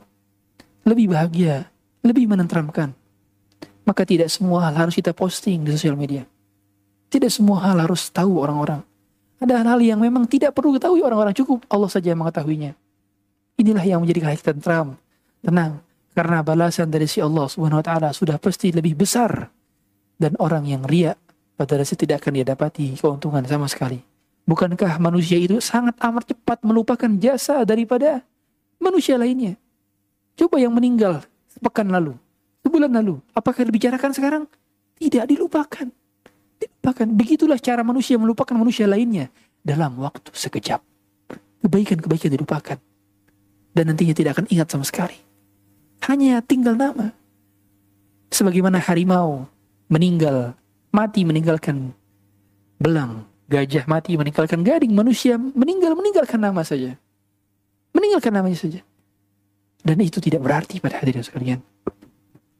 Bukankah ucapan pujian manusia hanya sebatas lidahnya dan hinaan manusia hanya sebatas lidahnya saja? Maka yang berarti adalah bagaimana pandangan Allah kepada kita semua. Kemudian berikutnya hadirin sekalian dari Allah Subhanahu wa taala. Poin berikutnya adalah banyak-banyak berzikir kepada Allah. Banyak-banyak berzikir kepada Allah. Zikir apa pun. Baik istighfar maupun zikir-zikir. Subhanallah, Alhamdulillah, wa la ilaha illallah, Allah Akbar. Kita mengucapkan zikir-zikir yang memang sesuai dengan zikir Rasulullah SAW. Tidak dibatasi dengan bilangan tertentu. Tidak dibatasi waktunya waktu tertentu. Zikir. Sebagaimana kata Rasulullah SAW, kalimatan khafifatan thaqilatan fil mizan habibatan ila rahman. Dua kalimat yang ringan diucapkan di lisan, berat di timbangan dan dicintai oleh Allah Subhanahu wa taala. Subhanallah wa bihamdihi subhanallahil azim. Perbanyak kita ucapkan kalimat ini. Subhanallah wa bihamdihi subhanallahil azim. Subhanallah wa bihamdihi subhanallahil azim. Subhanallah wa bihamdihi subhanallahil azim. Kalimat-kalimat ini tanpa kita sadari nantinya kita akan dapati di hari kiamat ternyata bagaikan tumpukan gunung yang banyak sekali padahal ringan diucap di lisan. Tidak mengeluarkan effort yang banyak. Coba dalam satu menit saja kita bisa menghasilkan banyak kalimat ini dalam lisan-lisan kita. Ternyata kalimat-kalimat ini bisa memberat, memperberat amal timbangan kita di hari kiamat. Dan dua kalimat ini yang paling disenangi oleh Allah Subhanahu wa taala. Siapa di antara kita yang senang mendengarkan kabar bahwa ternyata yang dicintai oleh dirinya amat mendengar amat mencintai kalimat yang kita sedang ucapkan. Maka ucapkanlah kalimat ini sebanyak-banyaknya. Berzikir. Dan zikir ini pada dasarnya akan melahirkan ketenangan. Berarti ketenangan itu bukan ada pada bertambahnya harta. Ketenangan itu ada pada zikir. Bukan kata Allah Subhanahu wa taala ada bidzikrillah tatmainnul qulub. Bukankah dengan berzikir kita meraih ketenangan dalam hati. Dan berikutnya adalah berusaha untuk melatih ikhlas. Melatih ikhlas. Oleh karena kata para ulama, berdoa itu melatih kita beribadah dan puasa itu melatih kita untuk ikhlas. Dikarenakan puasa itu adalah amal ibadah yang tersembunyi, tidak diketahui oleh manusia. Iya. Nah, dan ini cara melatihnya memang dengan cara demikian. Kalau kita berdoa, ini kita cara melatih kita untuk bisa konsentrasi, Sejauh mana kita mudah untuk banyak mengangkat tangan. Coba lihat. Setiap kali kita di waktu-waktu mustajab, berapa lama bertahan kedua tangan kita mengangkat tangan? Berapa lama? Adakah yang lebih lama dibandingkan Rasulullah SAW? Rasulullah itu mengangkat tangan ketika berdoa di padang Arafah dari ba'da zuhur sampai maghrib. Berarti berapa jam? 6 jam. Mengangkat tangan. Adakah di antara kita mengangkat tangan sampai 6 jam? Rasanya nggak ada. Ba'da sholat saja kita mengangkat tangan paling paling lama 5 menit, 10 menit, 15 menit. Gak ada yang sejam. Hampir tidak ada yang sejam. Mengapa? Berarti ada yang salah di hati-hati kita. Ada yang salah di hati-hati kita. Mengapa kita mengangkat tangan? Berapa hitungan menit saja. Belum ada yang sampai berjam-jam. Rasulullah ketika di padang Arafah, beliau di atas untanya, diboncengi di belakangnya oleh Usama bin Zaid. Beliau mengangkat tangan. Sampai tali kekang untanya itu putus copot. Beliau pegang tali kekang untanya satu, satunya lagi gunakan untuk untuk kita berdoa. Berarti Beliau tidak tidak menyia-nyiakan kesempatan untuk berdoa. Beliau yang sudah diampuni dosanya. Diampuni dosanya yang masa lalu, masa mendatang. Dimasukkan di jamin surga. Surganya paling tinggi lagi. Ternyata doanya 6 jam. 6 jam. Oleh karenanya, cara kita mengukur seberapa kotor hati-hati kita adalah dibuat hati kita tidak khusyuk dalam berdoa dan malas untuk berdoa. Padahal kita butuh kepada Allah. Butuh kepada Allah. Kalau kita minta kepada manusia, manusia akan mencemooh kita. Tapi kalau kita tidak minta kepada Allah, Allah marah kepada kita. Allah marah ketika kita tidak minta kepadanya. Sedangkan manusia marah kalau kita minta kepadanya. Itulah perbedaan antara Allah dengan makhluknya. An-nasu yaghdabu in su'ala. Allah yaghdabu in su'ala. Wa bunayya Adamu hina yus'alu.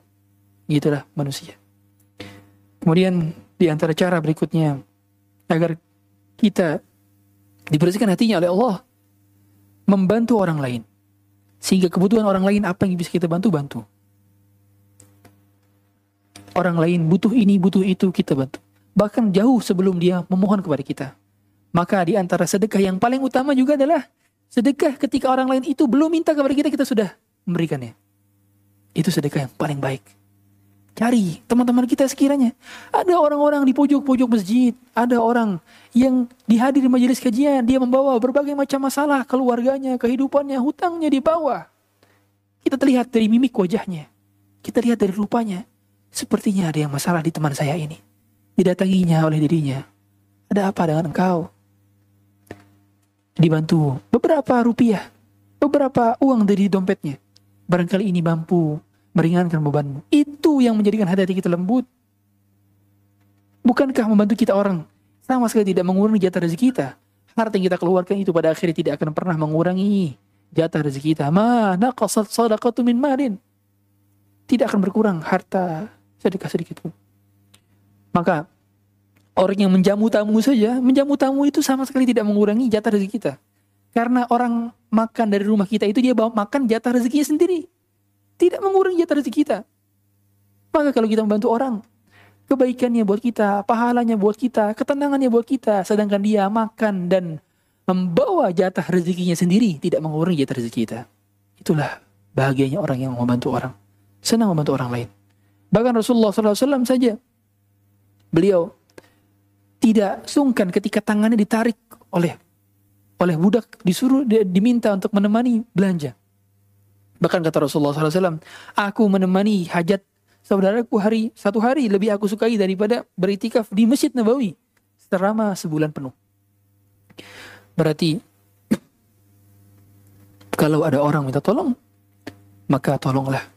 Dengan demikian hati kita mudah untuk bersih. Kemudian yang berikut adalah tidak memasukkan dunia ke dalam hati-hati kita.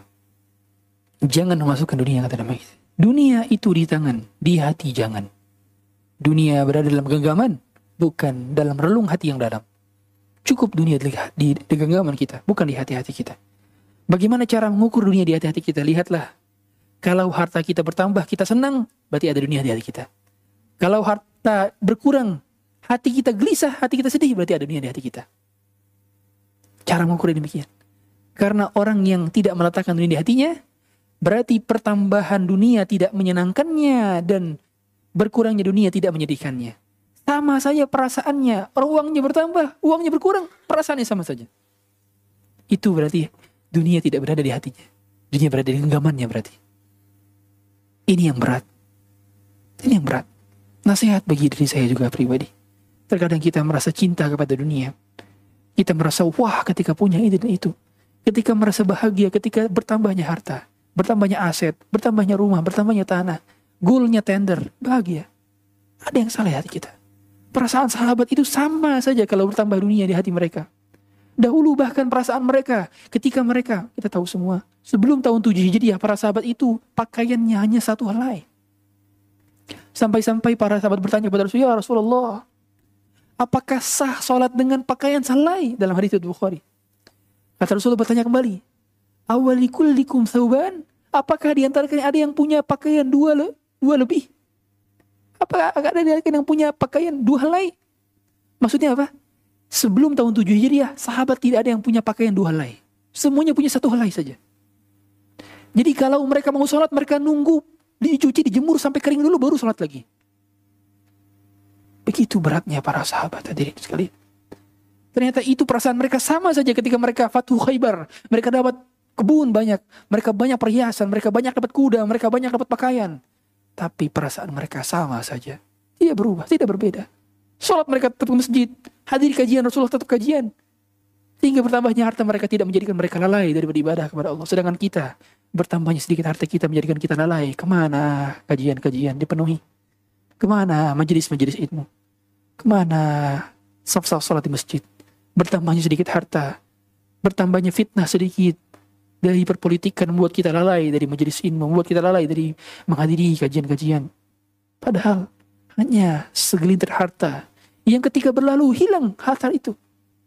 Dahulu Rasulullah SAW sering mengungkapkan cerita perang Hunain yang ini menggetarkan hati-hati. Rasulullah SAW perang Hunain mendapatkan banyak ghanimah.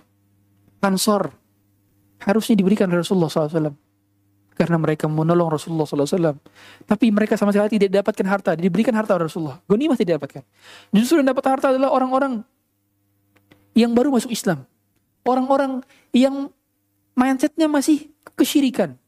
Mereka dahulu ketika perang Hunain dilihat oleh Rasulullah SAW, mereka memohon kepada Rasulullah, ya Rasulullah, ij'al lana zat anwatin kamalahum zatu anwat. Berikan kepada kami zatu anwat. Zatu anwat itu pohon yang disuka digunakan untuk meletakkan senjata-senjata orang-orang musyrik. Ya Rasulullah, bikinlah Zatu Anwat seperti mereka buat Zatu Anwat. Kata Rasulullah, kalian sama saja berucap kepada sama saja seperti ucapan Nabi, Bani Israel kepada Nabi Musa, "Ij'al lana ilahan kama aliyah." Buatlah kami Tuhan sebagaimana mereka punya Tuhan. Maka Rasulullah menegur mereka dengan teguran keras. Ternyata ketika menang, orang-orang ini yang baru masuk Islam ini diberikan harta banyak oleh Rasulullah SAW. Abu Sufyan diberikan 100 ekor unta, 40 ukiah. Ya Rasulullah tambahkan kepada kami untuk Muawiyah ya Rasulullah. Diberikan lagi ya Rasulullah 100 unta 40 qiyah. Ditambahkan lagi ya Rasulullah ya Rasulullah untuk Yazid ya Rasulullah. Diberikan lagi 100 ekor unta 40 qiyah. Total Abu Sufyan dan keluarganya mendapatkan 300 ekor unta dan 120 qiyah. Ansor. Ke mana Ansor? Nggak dapat apa-apa. Ternyata muncullah berita yang tidak mengenakan hati dan memangkikan telinga. Dikabarkan sampai kepada Rasulullah bahwa Ansor bertanya kepada Rasulullah, "Ya Rasulullah, Sa'ad bin Ubadah, pemimpin di mereka bertanya, Engkau barangkali telah mendengar apa yang telah engkau dengar. Aku bagian daripada mereka, ya Rasulullah. Mereka menanyakan mengapa engkau memberikan kepada harta itu kepada orang-orang yang baru muslim, sedangkan kami yang menolong engkau tidak diberikan harta sedikit pun. Kata Rasulullah SAW, kumpulkan orang Ansor sekarang. Dikumpulkan orang Ansor, semuanya di satu ruangan yang tidak dengar oleh sedikit pun dari kalangan manusia, kecuali Ansor saja. Maka Rasulullah membuat pidato yang membuat hati-hati mereka bergetar. Wahai Ansar sekalian. Kalian tahu, ada di kalangan manusia yang baru mau beriman dengan harta-harta, sedangkan kalian tidak butuh harta-harta untuk beriman. Kalian tahu, wahai Ansar, aku mencintai kalian. Sebagaimana kalau aku, bukan kalau bukan karena hijrah, aku adalah bagian dari engkau. Wahai Ansar, manusia lain yang berada di sekitarku adalah pakaian luar sedangkan kalian adalah pakaian yang langsung menyentuh kepada kulitku. Wahai Ansar, bukankah kalian bahagia dengan kalimat yang bahagia? Dikarenakan sahabat Ansar ini sedih kalau Rasulullah SAW itu nanti kembali ke Mekah lagi, tinggal di Mekah lagi. Mereka sedih kalau Rasulullah tidak kembali ke Madinah. Maka kata Rasulullah SAW, wahai Ansar, apakah tidak kalian senang mereka pulang dengan membawa unta-unta mereka. Sedangkan kalian pulang membawa Rasulullah SAW ke kampung-kampung kalian, ke rumah-rumah kalian. Rasulullah tetap tinggal di Madinah. Akhirnya mereka menangis, terseduh-seduh hingga membasahi janggut-janggut mereka air-air mata itu. Ke mana Abu Sufyan dengan dengan unta-untanya? Tidak ada. Ke mana Muawiyah dengan unta-untanya? Apakah ada? Tidak. Tapi cukuplah doa. Rasulullah mendoakan Allahumma ansar, Allahumma arhamil ansar wa binail ansar ya Allah rahmatilah ansar dan keturunan ansar. Maka cukup membawa doa dari Rasulullah SAW berupa rahmat dari lisan Rasulullah SAW. Siapa yang lebih bahagia dibandingkan mendapatkan doa langsung dari Rasulullah SAW? Seandainya tidak ada satupun harta benda yang mereka bawa, tapi cukup doa Rasulullah SAW saja. Cukup jasad Rasulullah yang mereka bawa kepada kampung-kampung mereka, rumah-rumah mereka. Dan Rasulullah wafat di kota Madinah. Wafat di tanah Madinah yang mereka itulah tanah-tanah Ansor. Bahagia mereka. Berarti kita bawa barangkali bukan harta, tapi kita bawa adalah doa Nabi. Cukup itu sebagai bekal untuk bertemu dengan Allah Subhanahu wa taala. Makanya kata Rasulullah SAW, isbiru Satalqaw ba'di, satalqawna ba'di atharah. Kalian akan dapat selepas meninggalanku. Percekcokan orang yang mementingkan dunia daripada akhiratnya. Maka kata Rasulullah, isbiru. Bersabarlah kalian. Hatta talqawni al Sampai kalian bertemu denganku di telaga. Tidakkah kita senang ketika kita berjumpa dengan Rasulullah SAW di telaga? Maka bersabarlah sesaat untuk berjumpa dengan Rasulullah SAW di telaga. Dan poin terakhir, adalah agar kita hati kita bersih adalah senantiasa berdoa dan menerima takdir dari Allah Subhanahu wa taala. Doa ini adalah puncak dari segala macam senjata yang dimiliki oleh manusia. Seandainya manusia tidak punya tank, tidak punya alutista, tidak punya harta benda, dia hanya punya doa saja. Maka doa ini sudah cukup menjadi senjata bagi orang beriman untuk membersihkan hati-hatinya. Dan dia senantiasa menerima takdir takdir yang sudah terjadi itu sudah sudah sudah Allah tuliskan 50 ribu tahun sebelum Allah ciptakan langit dan bumi. Pertemuan Anda dengan saya hari ini, pagi ini, siang ini, ini bagian daripada takdir. Maka kita berbahagia atas segala takdir yang sudah Allah tentukan kepada kita. Adapun yang belum terjadi, maka kita masih bisa berusaha semaksimal mungkin. Tapi bila terjadi, maka itu adalah bagian dari takdir yang sudah Allah tuliskan 50 ribu tahun sebelum Allah ciptakan langit dan bumi. Demikian nanti dan sekalian dapat kami sampaikan. Apabila ada yang ingin bertanya, kami persilahkan. Allahu a'lam.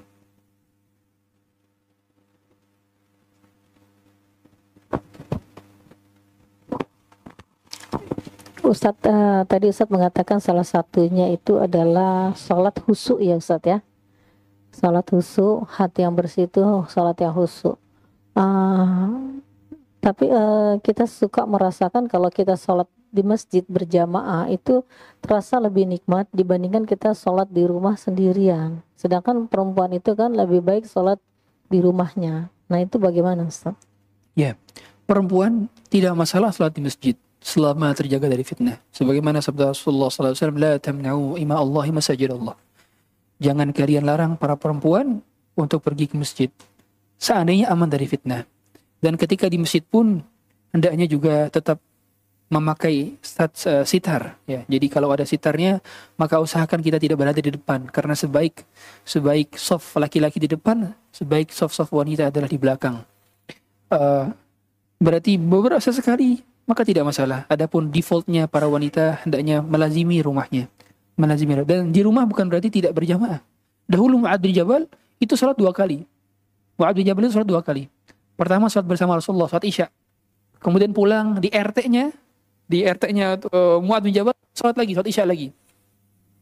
Berarti boleh sholat uh, isya di rumah, apa sholat sholat di rumah. Misalkan berjamaah tetap berjamaah tetap bisa sholat berjamaah. Jadi misalnya anda punya anak, punya punya suami yang dia sudah sholat di masjid, sholat lagi di rumah untuk mengimami anda.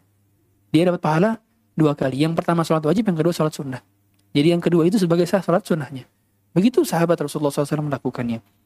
Dan Sholat di rumah bukan berarti eh, nggak uh, boleh sholat berjamaah, tapi bisa sholat berjamaah.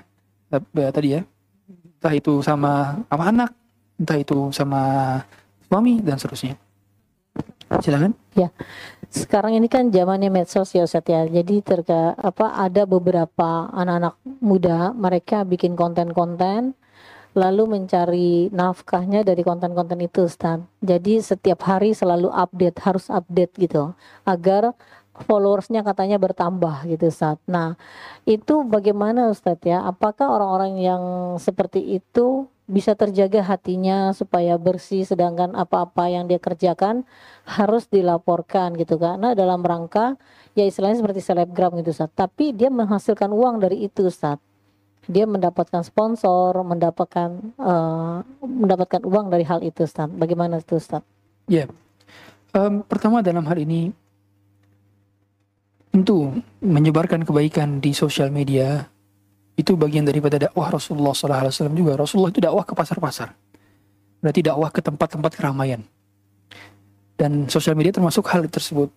Berarti itu merupakan suatu kebaikan kalau yang di-share kontennya konten kebaikan, tidak melanggar pelanggaran, tidak menggunakan musik dan tidak menutup, tidak membuka aurat misalnya. Akan tapi yang perlu dijaga adalah niatnya. Nih niat, niat ini yang perlu dijaga. Berarti harus sering-sering memperbarui niatnya. Jadi dua imanakum, jadi niatakum. Perbarui keimanan kita, perbarui niat kita. Dan hal yang demikian perlu ditata kembali niatnya sebelum posting, sebelum bikin konten. Apa yang dicari setelah dari ini? Harus ada sisipan bahwa kita dari ini membuat konten ini pada akhirnya tujuannya akhirnya adalah untuk mendapatkan pahala dari Allah saja, mendapatkan surga dari Allah. Bukan sekedar bertambahnya follower, bukan sekedar bertambahnya likes. Rezeki tidak Allah, tidak akan pernah Allah kurangi. Rezeki seorang hamba sudah terjamin. Seberapapun effort kita, rezekinya tidak akan berkurang, tidak akan bertambah. Sehingga patokan daripada rezeki itu bukan bukan sepaling-paling effort. Bukankah sama saja pada dasarnya rezeki itu baik uh, kita berlomba-lomba mengejarnya, rezeki tetap akan datang. Tetapi memang harus ada ikhtiar. Ikhtiar ini jangan sampai gulu kepada ikhtiar. Gulu maksudnya gulu kepada gulu sampai menyebabkan seolah-olah kalau kita tidak berlaku demikian maka tidak akan dapat. Nah ini yang menjadikan kita gulu. Pemahaman yang semikian, yang demikian. Kemudian juga gulu dalam artian sampai melalaikan kewajiban-kewajiban. Jauh dari majelis ilmu. Lebih sering justru semangat membuat kontennya daripada mendengarkan ilmunya. Ini juga peringatan bagi para influencer dan uh, selebgram hingga jangan terlalu sering buat konten bersama ustadz kalau bisa. Sehingga lalai daripada ilmunya sendiri. Sehingga ketika bertemu dengan ustadz konten yang utama. Padahal bukan itu yang utama. Yang utama adalah anda duduk mendengarkan ilmu anda menambahkan menambahkan faedah menambah hidayah dan beramal dengan hidayah tersebut. Jadi bukan itu tujuan utamanya.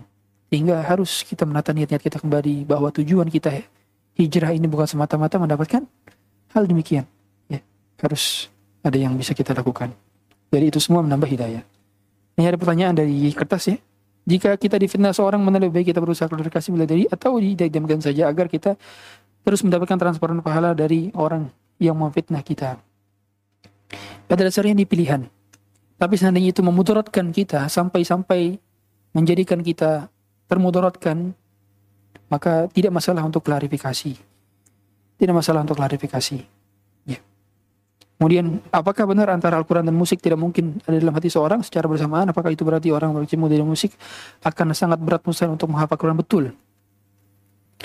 Kata sebagaimana kata Ibnu Qayyim al-Jauziyah, la yajtami'ul Quran wal ghina fi qalbil mu'min. Tidak akan pernah bersatu kecintaan kepada musik dan kecintaan kepada Al-Quran dalam hati seorang yang beriman. Sehingga seandainya ada orang, Ustadz saya punya kawan Ustadz, dia dengerin musik. Tapi dia juga hafal 30 juz Ustadz. Maka barangkali hat, Quran itu ada di lisannya tapi tidak ada di hatinya. Ya, barangkali hafalnya lancar, murojahnya lancar, tapi tidak ada di hatinya. Dikarenakan memang kecintaan itu akan bertolak belakang antara kecintaan kepada musik dan kecintaan kepada Quran. Di masa kampanye pemilu seperti sekarang banyak orang yang akhirnya fanatik ada paslon yang ia dukung. Banyak yang akhirnya ikut percaya bahkan ikut menyebarkan berita negatif tentang paslon lain. Bagaimana kiat agar kita menjaga tidak mudah percaya dan tidak gampang men-share berita-berita tersebut. Yang sekiranya kita paham semua, tentu fanatik hal semacam ini tercela. Anda punya pilihan silahkan. Tapi jangan sampai hingga akhirnya menjadikan hal tersebut Anda mendapatkan dosa dari menggibahi, memfitnah, menyebarkan aib, dan seterusnya. Yang tidak kita ketahui fakta dan aslinya seperti apa. Maka di masa-masa semacam ini kita hendaknya menjaga lisan kita, menjaga hati kita, menjaga pandangan kita, menjaga jempol-jempol kita. Karena ini zaman fitnah. Dan kita harus paham semua bahwa perkataan para ulama kama takununa yuwalla alaikum sebagaimana kalian berlaku seperti itulah kalian akan dipimpin Berarti pemimpin kita adalah cerminan dari masyarakat. Kalau ternyata pemimpin kita yang kita akan dapati nantinya adalah pemimpin buruk, berarti memang masyarakat kita masih demikian. Berarti di musim-musim semacam ini jangan sampai terkikis akidah kita, jangan sampai terkikis tauhid kita dan jangan sampai lalai dari majelis ilmu, lalai daripada kajian-kajian, lalai daripada sholat berjamaah, lalai dari hal-hal kebaikan manfaat lainnya. Ya. Silakan uh, tadi Ustaz sampaikan tentang jangan lalai dengan majelis ilmu ya Ustaz ya. Jadi ada seseorang ahwat gitu Ustaz ya. Dia tiap hari ngaji ke mana-mana keliling sehari bisa dua sampai tiga kali gitu Ustaz. Lalu ada kawannya yang membicarakannya Ustaz. Apakah kamu nggak ada kerjaan kok tiap hari ngaji terus gitu kayak pengangguran. Nah, itu bagaimana Ustaz mensikapi komentar-komentar seperti itu Ustaz? Pertama nggak usah digubris. Omongan orang tidak akan ada habisnya tentang komentar kita. Kita, sebagaimana kita ketahui, ada seorang eh, adik kakak, ada seorang anak sama ayah yang naik eh, kuda. Kudanya hanya bisa dinaiki oleh satu orang karena kuda kecil. Ketika dinaiki ayahnya, ih anaknya nggak naik. Ketika dinaiki dua-duanya, ih nggak kasihan sama kudanya. Ketika nggak dinaikin kuda, kudanya sama sekali, udah keduanya, ih mubazir. Komentar terus sampai akhirnya sampai nggak ada habisnya nggak ada habisnya komentar orang nggak ada akan habisnya ya ini keliru juga orang-orang yang ikut kajian itu orang-orang sibuk jangan dikira orang-orang yang nggak punya pekerjaan dan pada akhirnya saya pernah ngisi ma- materi judul kajiannya itu tips belajar agama bagi orang yang sibuk saya mengkritisi kok bisa ngasih judul semacam ini berarti dia menganggap orang yang belajar agama itu nggak sibuk ya kan Memang orang belajar agama itu nggak punya pekerjaan, ya mereka punya kesibukan. Tapi mereka korbankan waktu mereka untuk menuntut ilmu. Kita semua punya kesibukan. Siapa yang gak punya kesibukan sekarang? Ada kesibukan masing-masing.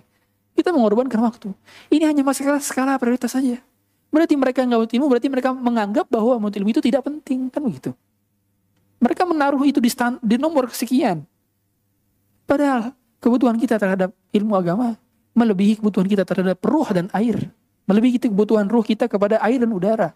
Melebihi kebutuhan kita terhadap makan dan minum. Maka ilmu agama tidak bisa ditolerir. Apa kriteria teman yang baik dalam Islam? Teman yang menasehati tatkala kita berbuat salah.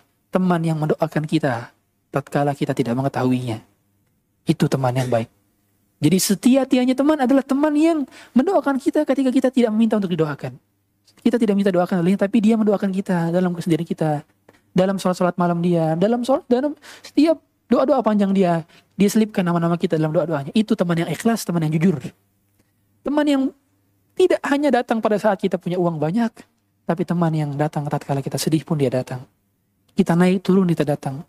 Dia datang. Nah inilah yang teman-teman yang kita ikat. Teman-teman yang hendaknya kita pegang. Jangan hilang teman-teman semacam ini. Ya. Iya, silakan. Tadi kan orang itu rajin ngaji Ustadz ya. Tapi ada yang kita punya saudara atau punya teman, giliran diajak ngaji itu susah. Tapi kalau diajak pergi makan atau apa itu cepat. Nah itu kenapa itu Ustadz? Padahal dia pakai jilbab gitu loh Ustadz. Ya. Betul. Kadang ada orang mereka untuk diiming-imingi akhirat butuh butuh dunia. Kita tahu semua dulu Arab Badui itu minta harta kepada Rasulullah. Ya Rasulullah, I'ti mimalillahi ladzi indak. Kasih duit dong Rasulullah. Minta duit sama Rasulullah. Kasih duit sama Rasulullah. Begitu dikasih duit, mereka masuk Islam. Nah, begitu belajar agama, mereka mencintai Islam melebihi harta-harta yang dahulu mereka dapati. Karena memang ada yang demikian.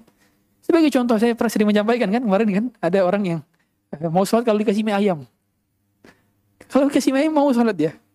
Udah nggak dikasih mie ayam nggak mau sholat. Ada orang. Makanya sering berjalannya waktu kita terus ajak mereka untuk uh, majelis ilmu. Nanti ketika mereka sudah mengenal Islam, akhirnya mereka akan menganggap bahwa yang sebelum-sebelumnya itu keliru. Nah, ber- berarti baru sekarang itu berarti kurangnya ilmu dan kurangnya hidayah dari Allah Subhanahu wa taala. Tinggal minta kepada Allah. Apakah jika kita menggibahi seorang tapi kita tidak sempat dan tidak pernah meminta maaf kepada orang tersebut, apakah dosa kita tetap dimaafkan ketika bertaubat? Tidak, kecuali keriduan daripada orang yang digibahi. Makanya dosa kepada makhluk itu tidak akan bisa diampuni kecuali pemaafan dari orang tersebut. Entah di dunia maupun di akhirat. Ya. Apakah masalah jodoh? Masalah jodoh apakah kita tetap harus berusaha mencarinya atau kita tinggal menunggu saja karena jodoh itu kita pasti datang? Tetap mencari. Tetap mencari. Saat saya perempuan, Khadijah itu tidak mencari kah? Khadijah mencari. Dan tidak masalah wanita juga mencari. Menanyakan kepada uh, ahli ilmu. Ya, tapi jangan ke saya nanyanya. Saya nggak punya stok ya. Silahkan tanya kepada yang banyak ustaz kita punya biro jodoh. Banyak. Itu bisa melalui sana.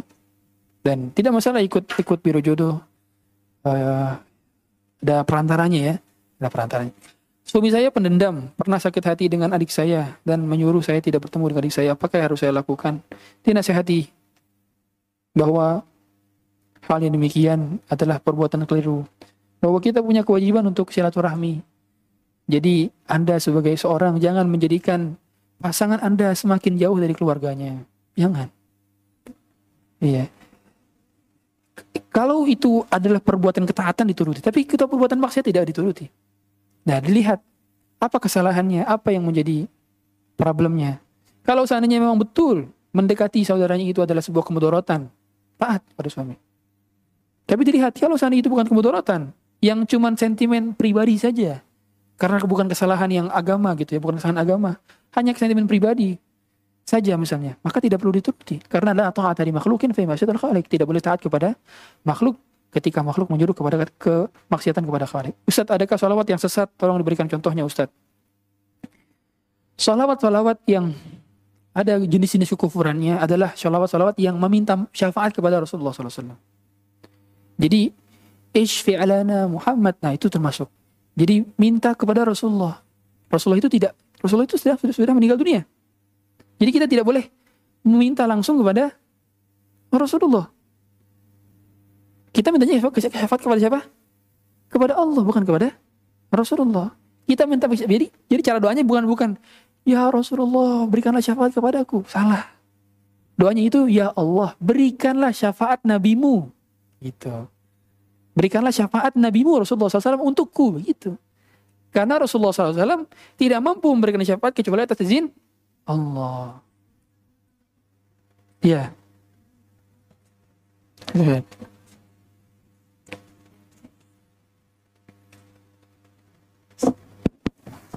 Jadi ini ada dia nanya Ustaz, boleh nggak diamalkan selawat ini? Selawatnya sih coba uh, sebentar ya Ustaz ya. Uh, bacaannya itu adalah salawatnya Allahumma sholli ala Sayyidina Muhammad wa alihi wa sobihi wa salim. Katanya dibaca seribu kali setiap hari di waktu setelah waktu maghrib. Itu bagaimana tuh Ustaz? Iya, tidak ada dalilnya. Pertama kita beribadah butuh dalil. Dan penentuan bilangan tertentu di waktu tertentu dengan jumlah tertentu bersama orang tertentu ini butuh dalil. Karena pengkhususan amalan itu butuh dalil. Kalau kita menyangka dan menganggap bahwa itu adalah tuntunan dari Rasulullah SAW, maka itu adalah termasuk perbuatan yang diada-adakan dalam agama. Atau dalam kata lain termasuk bid'ah. Dan ini terlarang dalam agama kita. Kita membuat-buat sholawat tertentu, dibacakan di waktu tertentu, dan menisbatkannya kepada Rasulullah SAW. Makanya termasuk bid'ah. Makanya cukuplah amalan kita, amalan-amalan yang memang ada dalilnya. Karena kalau kita tidak ada dalilnya, yang uh, yang demikian ter, Alih-alih mendapatkan pahala justru malah mendapatkan dosa. Sebagaimana kata Rasulullah SAW, Man ahdatha fi amrina hadha wa laysa minhu fahuwa raddun. Apa yang diadakan dalam perkara agama, alih-alih mendapatkan pahala justru mendapatkan dosa. Ustadz itu kesalahannya kan karena suruh baca seribu kali ya Ustadz ya, hmm. sesudah maghrib. Tapi kalau isinya itu benar nggak sih Ustadz? Ada nggak sih salawat ini Allahumma sholli? Yang dilihat artinya, apakah ada permintaan langsung? Cek, cek. Nah, kalau ada permintaan langsung kepada Nabi itulah yang mengandung kesyirikan. Karena kita tidak boleh minta kepada orang yang sudah meninggal. Itulah patokan kesyirikannya di sana. Ya. Adapun kebidahannya adalah tadi mengkhususkan di waktu-waktu tertentu. Ya. Bagaimana dengan orang yang ngaji pilih-pilih ustadz? Kalau ustadz yang ia suka, ia tidak datang, apakah boleh memilih ustadz sesuai selera?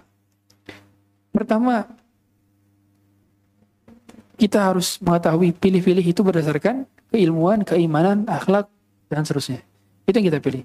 Sebagaimana kata Imam Malik, cara mengetahui guru yang diambil ilmunya adalah guru yang memang mumpuni di bidangnya, dan dia adalah seorang yang beramal dengan ilmunya, dia adalah seorang yang berakhlak mulia juga, sehingga uh, kalau sebatas, oh Ustaz, kalau yang yang yang begini ngantuk Ustaz sama dia, nah, ini saya keliru. ya, yang demikian yang demikian kalau sekedar preferensi pribadi, ya preferensi pribadi kita lebih senang kepada ustadz ini. Meskipun sama-sama ustadz ahlu sunnah ya, ustadz ahlu sunnah kita pilih, maka tidak masalah preferensi pribadi. Oh iya, tidak masalah. Karena dahulu para sahabat juga ada yang belajar kepada Umar, ada yang belajar kepada Abu Bakar. Mereka juga uh, lebih lebih preferensi juga. Tapi kalau memboikot salah satu, nah di antara mereka, karena wah jangan yang belajar sama ini, kalau belajar sama ini ngantuk. Nah ini sebaiknya tidak. Hal demikian. Tapi kalau preferensi pribadi, tidak masalah.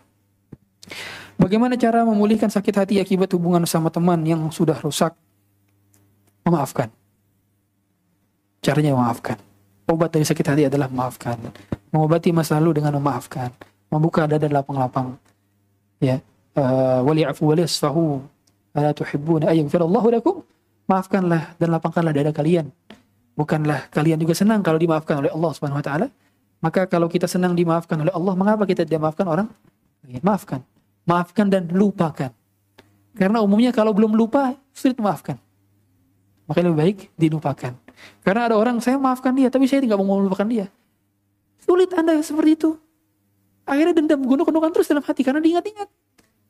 Kenapa nggak melupakan saja? Lupakan saja, maafkan dan lupakan. Tenang. Tandanya kita ini masih membuat dia menjadi penting. Padahal dia nggak penting. Kalau kalau dia nggak penting, nggak usah kita pikirkan kan gitu. Jadi maafkan dan lupakan. Ya. Jadikan masa lalu dan biarkan masa lalu itu tidak berarti. Demikian mungkin ada lagi silakan. Assalamualaikum Ustadz. Uh, kembali yang ke majelis taklim itu yang ditanya Bu Ayu tadi. Ada seorang teman nanya, biasanya kan dia sering ngaji. Terus uh, ketika diajak teman yang ngaji, katanya kita tidak uh, usah terlalu sering datang ke taklim. Karena kata Ustadz si Anu kata gitu, kalau sering ke taklim itu kapan kita baca Quran, kapan kita uh, mempelajarinya, kapan kita bisa menghafal uh, Al-Quran itu katanya gitu. Oh begitu ya, saya bilang gitu. Karena saya tidak punya ilmunya, saya diam saja. Kalau pendapat saya pribadi, kita bisa mengaplikasikan apa yang itu harus kita punya guru. Mungkin uh, live itu bisa, tapi kalau saya misalnya uh, lebih baik langsung begitu. Tapi katanya jadi ngikut dia karena kata Ustadz si Anu jangan yang itu sering-sering itu. Jadi saya kasih masukan ada teman kita itu 72 lebih usianya itu. Tapi dia uh, ser, saya ngiri, saya uh, malu. Dia ngajinya ke mana-mana. Sedangkan dia naik kendaraan umum gitu loh bukan kendaraan pribadi. Nah saya e, berusaha bagaimana bisa seperti itu, karena saya sendiri malu gitu ngelihat yang sudah usianya begitu tapi rajin gitu. Terjasukran Ustaz. Iya. Yeah. Um, ini perkataan keliru ya, katanya jangan sering-sering mengaji. Justru kita butuh kepada ilmu. Iya, jangan sering-sering datang ke ta'lim. Ini keliru. Justru kita ini masih hidup, ini kita beribadah jadi Fattakullah mastata'atum. Bertakwalah semaksimal kita. Nanti akan ada satu saat Bapak Ibu sekalian. di mana kaki kita tidak bisa lagi menginjakkan kaki ke majelis-majelis ini. Akan ada satu saat di mana mata kita sulit membuka. Ada saat kaki kita ini sulit berdiri. Untuk sholat saja sulit harus berbaring. Maka selama kita masih ya Allah berikan kesehatan. Mengapa tidak memanfaatkannya maksimal? Manfaatnya maksimal. Umur kita ini akan habis begitu saja hadirin sekalian. Semua akan berada dalam tanah. Akan berada di kuburan semua. Oleh karenanya sisa-sisa waktu kita mengapa tidak dimanfaatkan dengan maksimal. Dan maksimalkan apa yang bisa kita lakukan. Kalau memang mampunya sepekan tiga kali silakan. Mampunya sepekan dua kali silakan. Mampunya sepekan sekali silakan.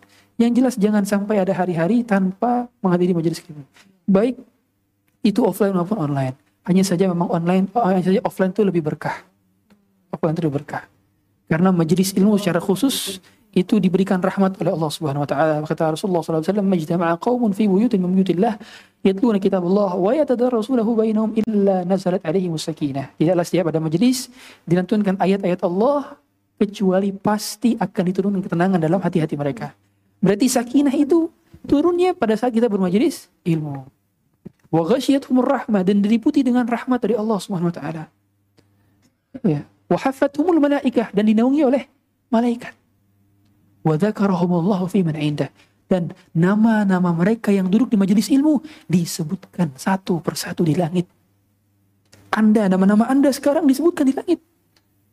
Kalau di dunia tidak ada yang mengenal kita, tidak masalah.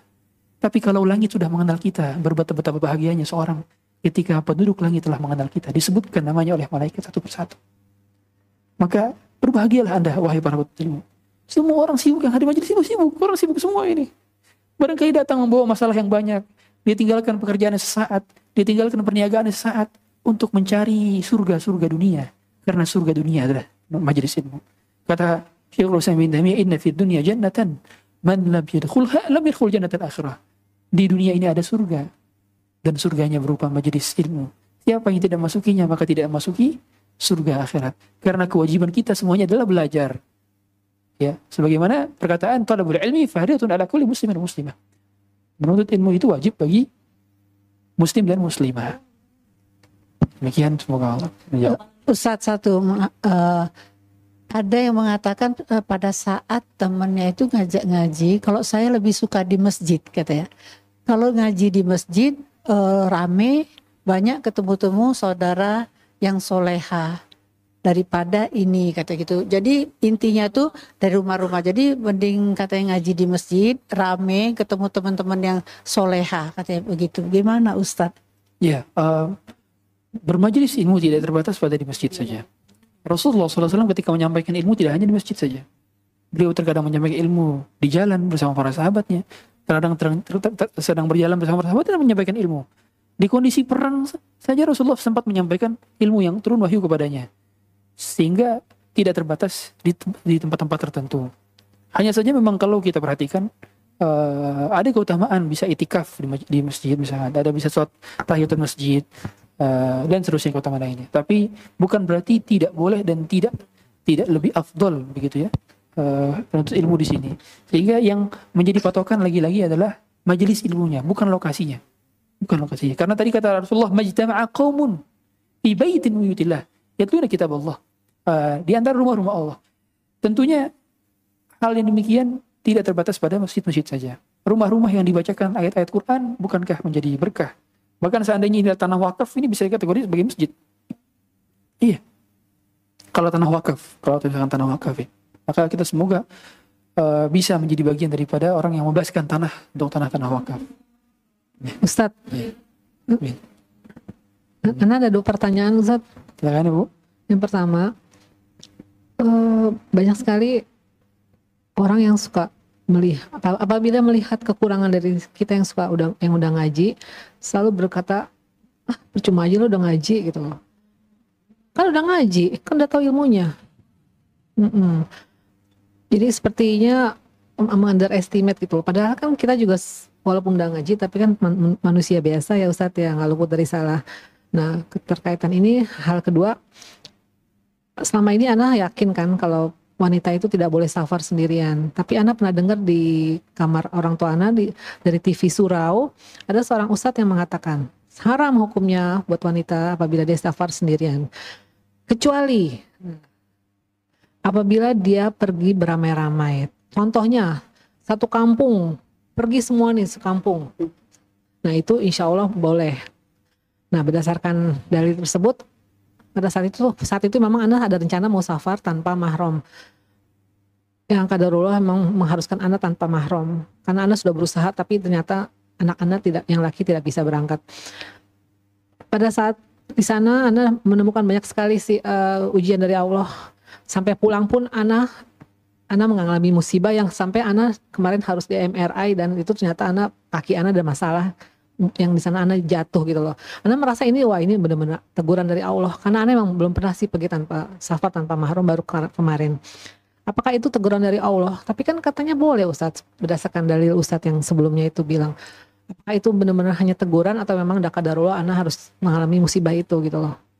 Karena di sana pun Ana merasa sedih banget, nggak nyaman. Syukuran jazakallah khairan. Ya, em, pertama tadi yang tadi mengenai komentar orang percuma ngaji tapi begini, percuma hijab tapi begini. Eh, kita harus paham bahwa sebagai orang yang eh, dibicarakannya, maka itu tidak menambah sama sekali kepada kita kecuali nantinya adalah pahala kalau kita bersabar atasnya. Tapi perkataan ini keliru. Kita itu tidak boleh kita menganggap bahwa itu percuma. Tidak ada percuma dalam kata kebaikan tidak ada yang percuma.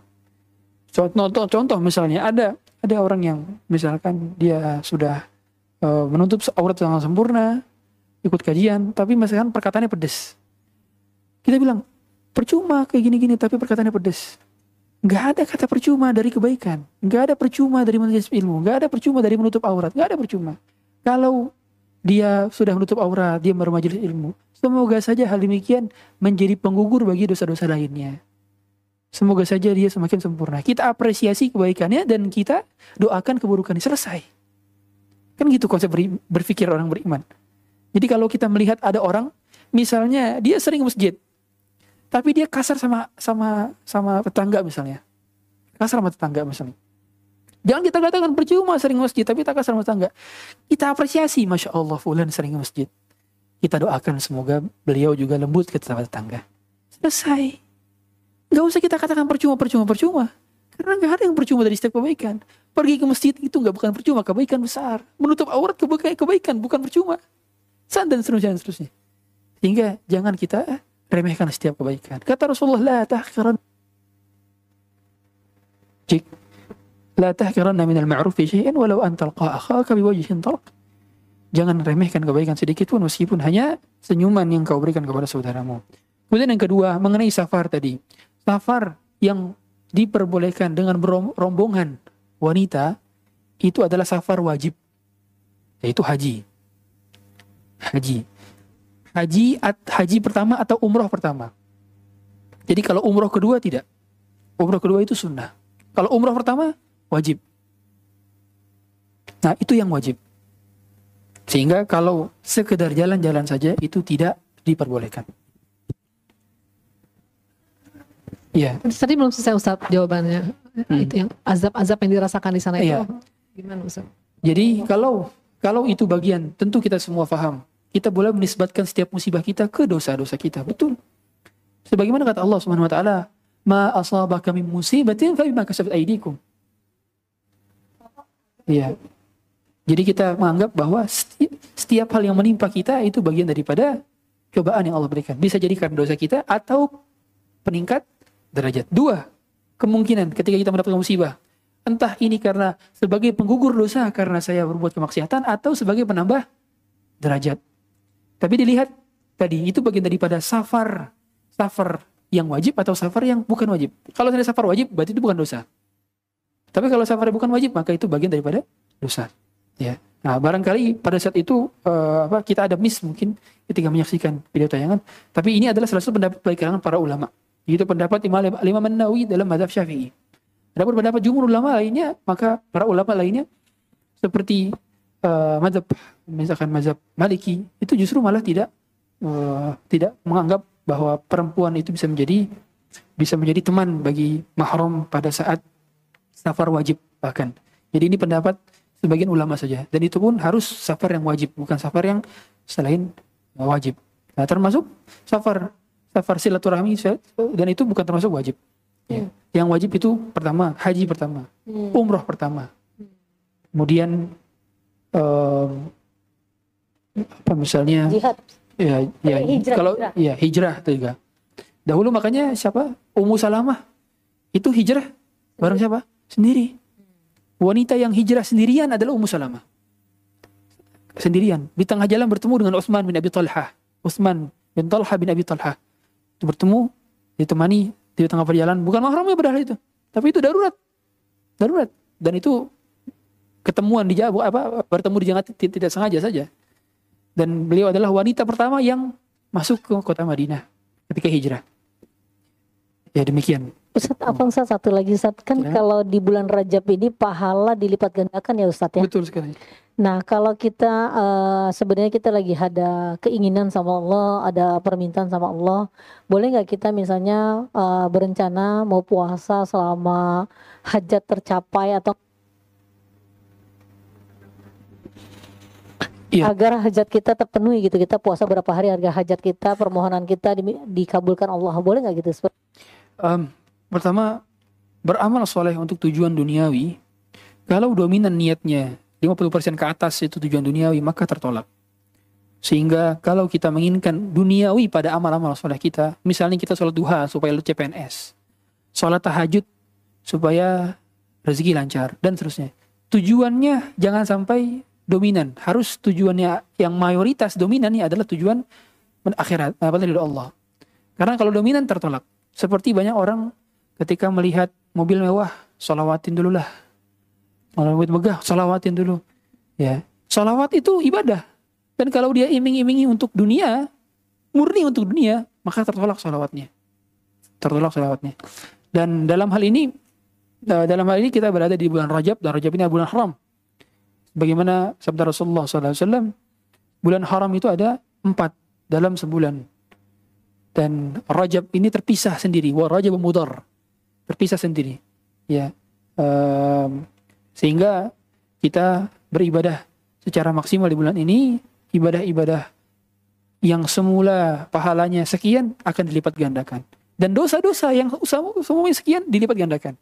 Jadi sholat duha kita dilipat gandakan. Sholat malam kita dilipat gandakan dan seterusnya semua dilipat gandakan sedekah kita dilipat gandakan kalau dulu sebelumnya masukin kotak infak yang hijau sekarang yang merah nah kalau dulu eh, sholat dua rakaatnya eh, sholat subuh apa sholat sholat duhanya dua rakaat sekarang empat rakaat tambah tambahkan mampu kita. 12 misalkan jadi 12 rakaat. Bagus bagus jadi kan karena semua dilipat ganda. Artinya Allah sedang membuka diskon besar-besaran ya berarti kan. Kita hendaknya melakukan perniagaan kepada Allah. Karena dunia ini adalah perdagangan.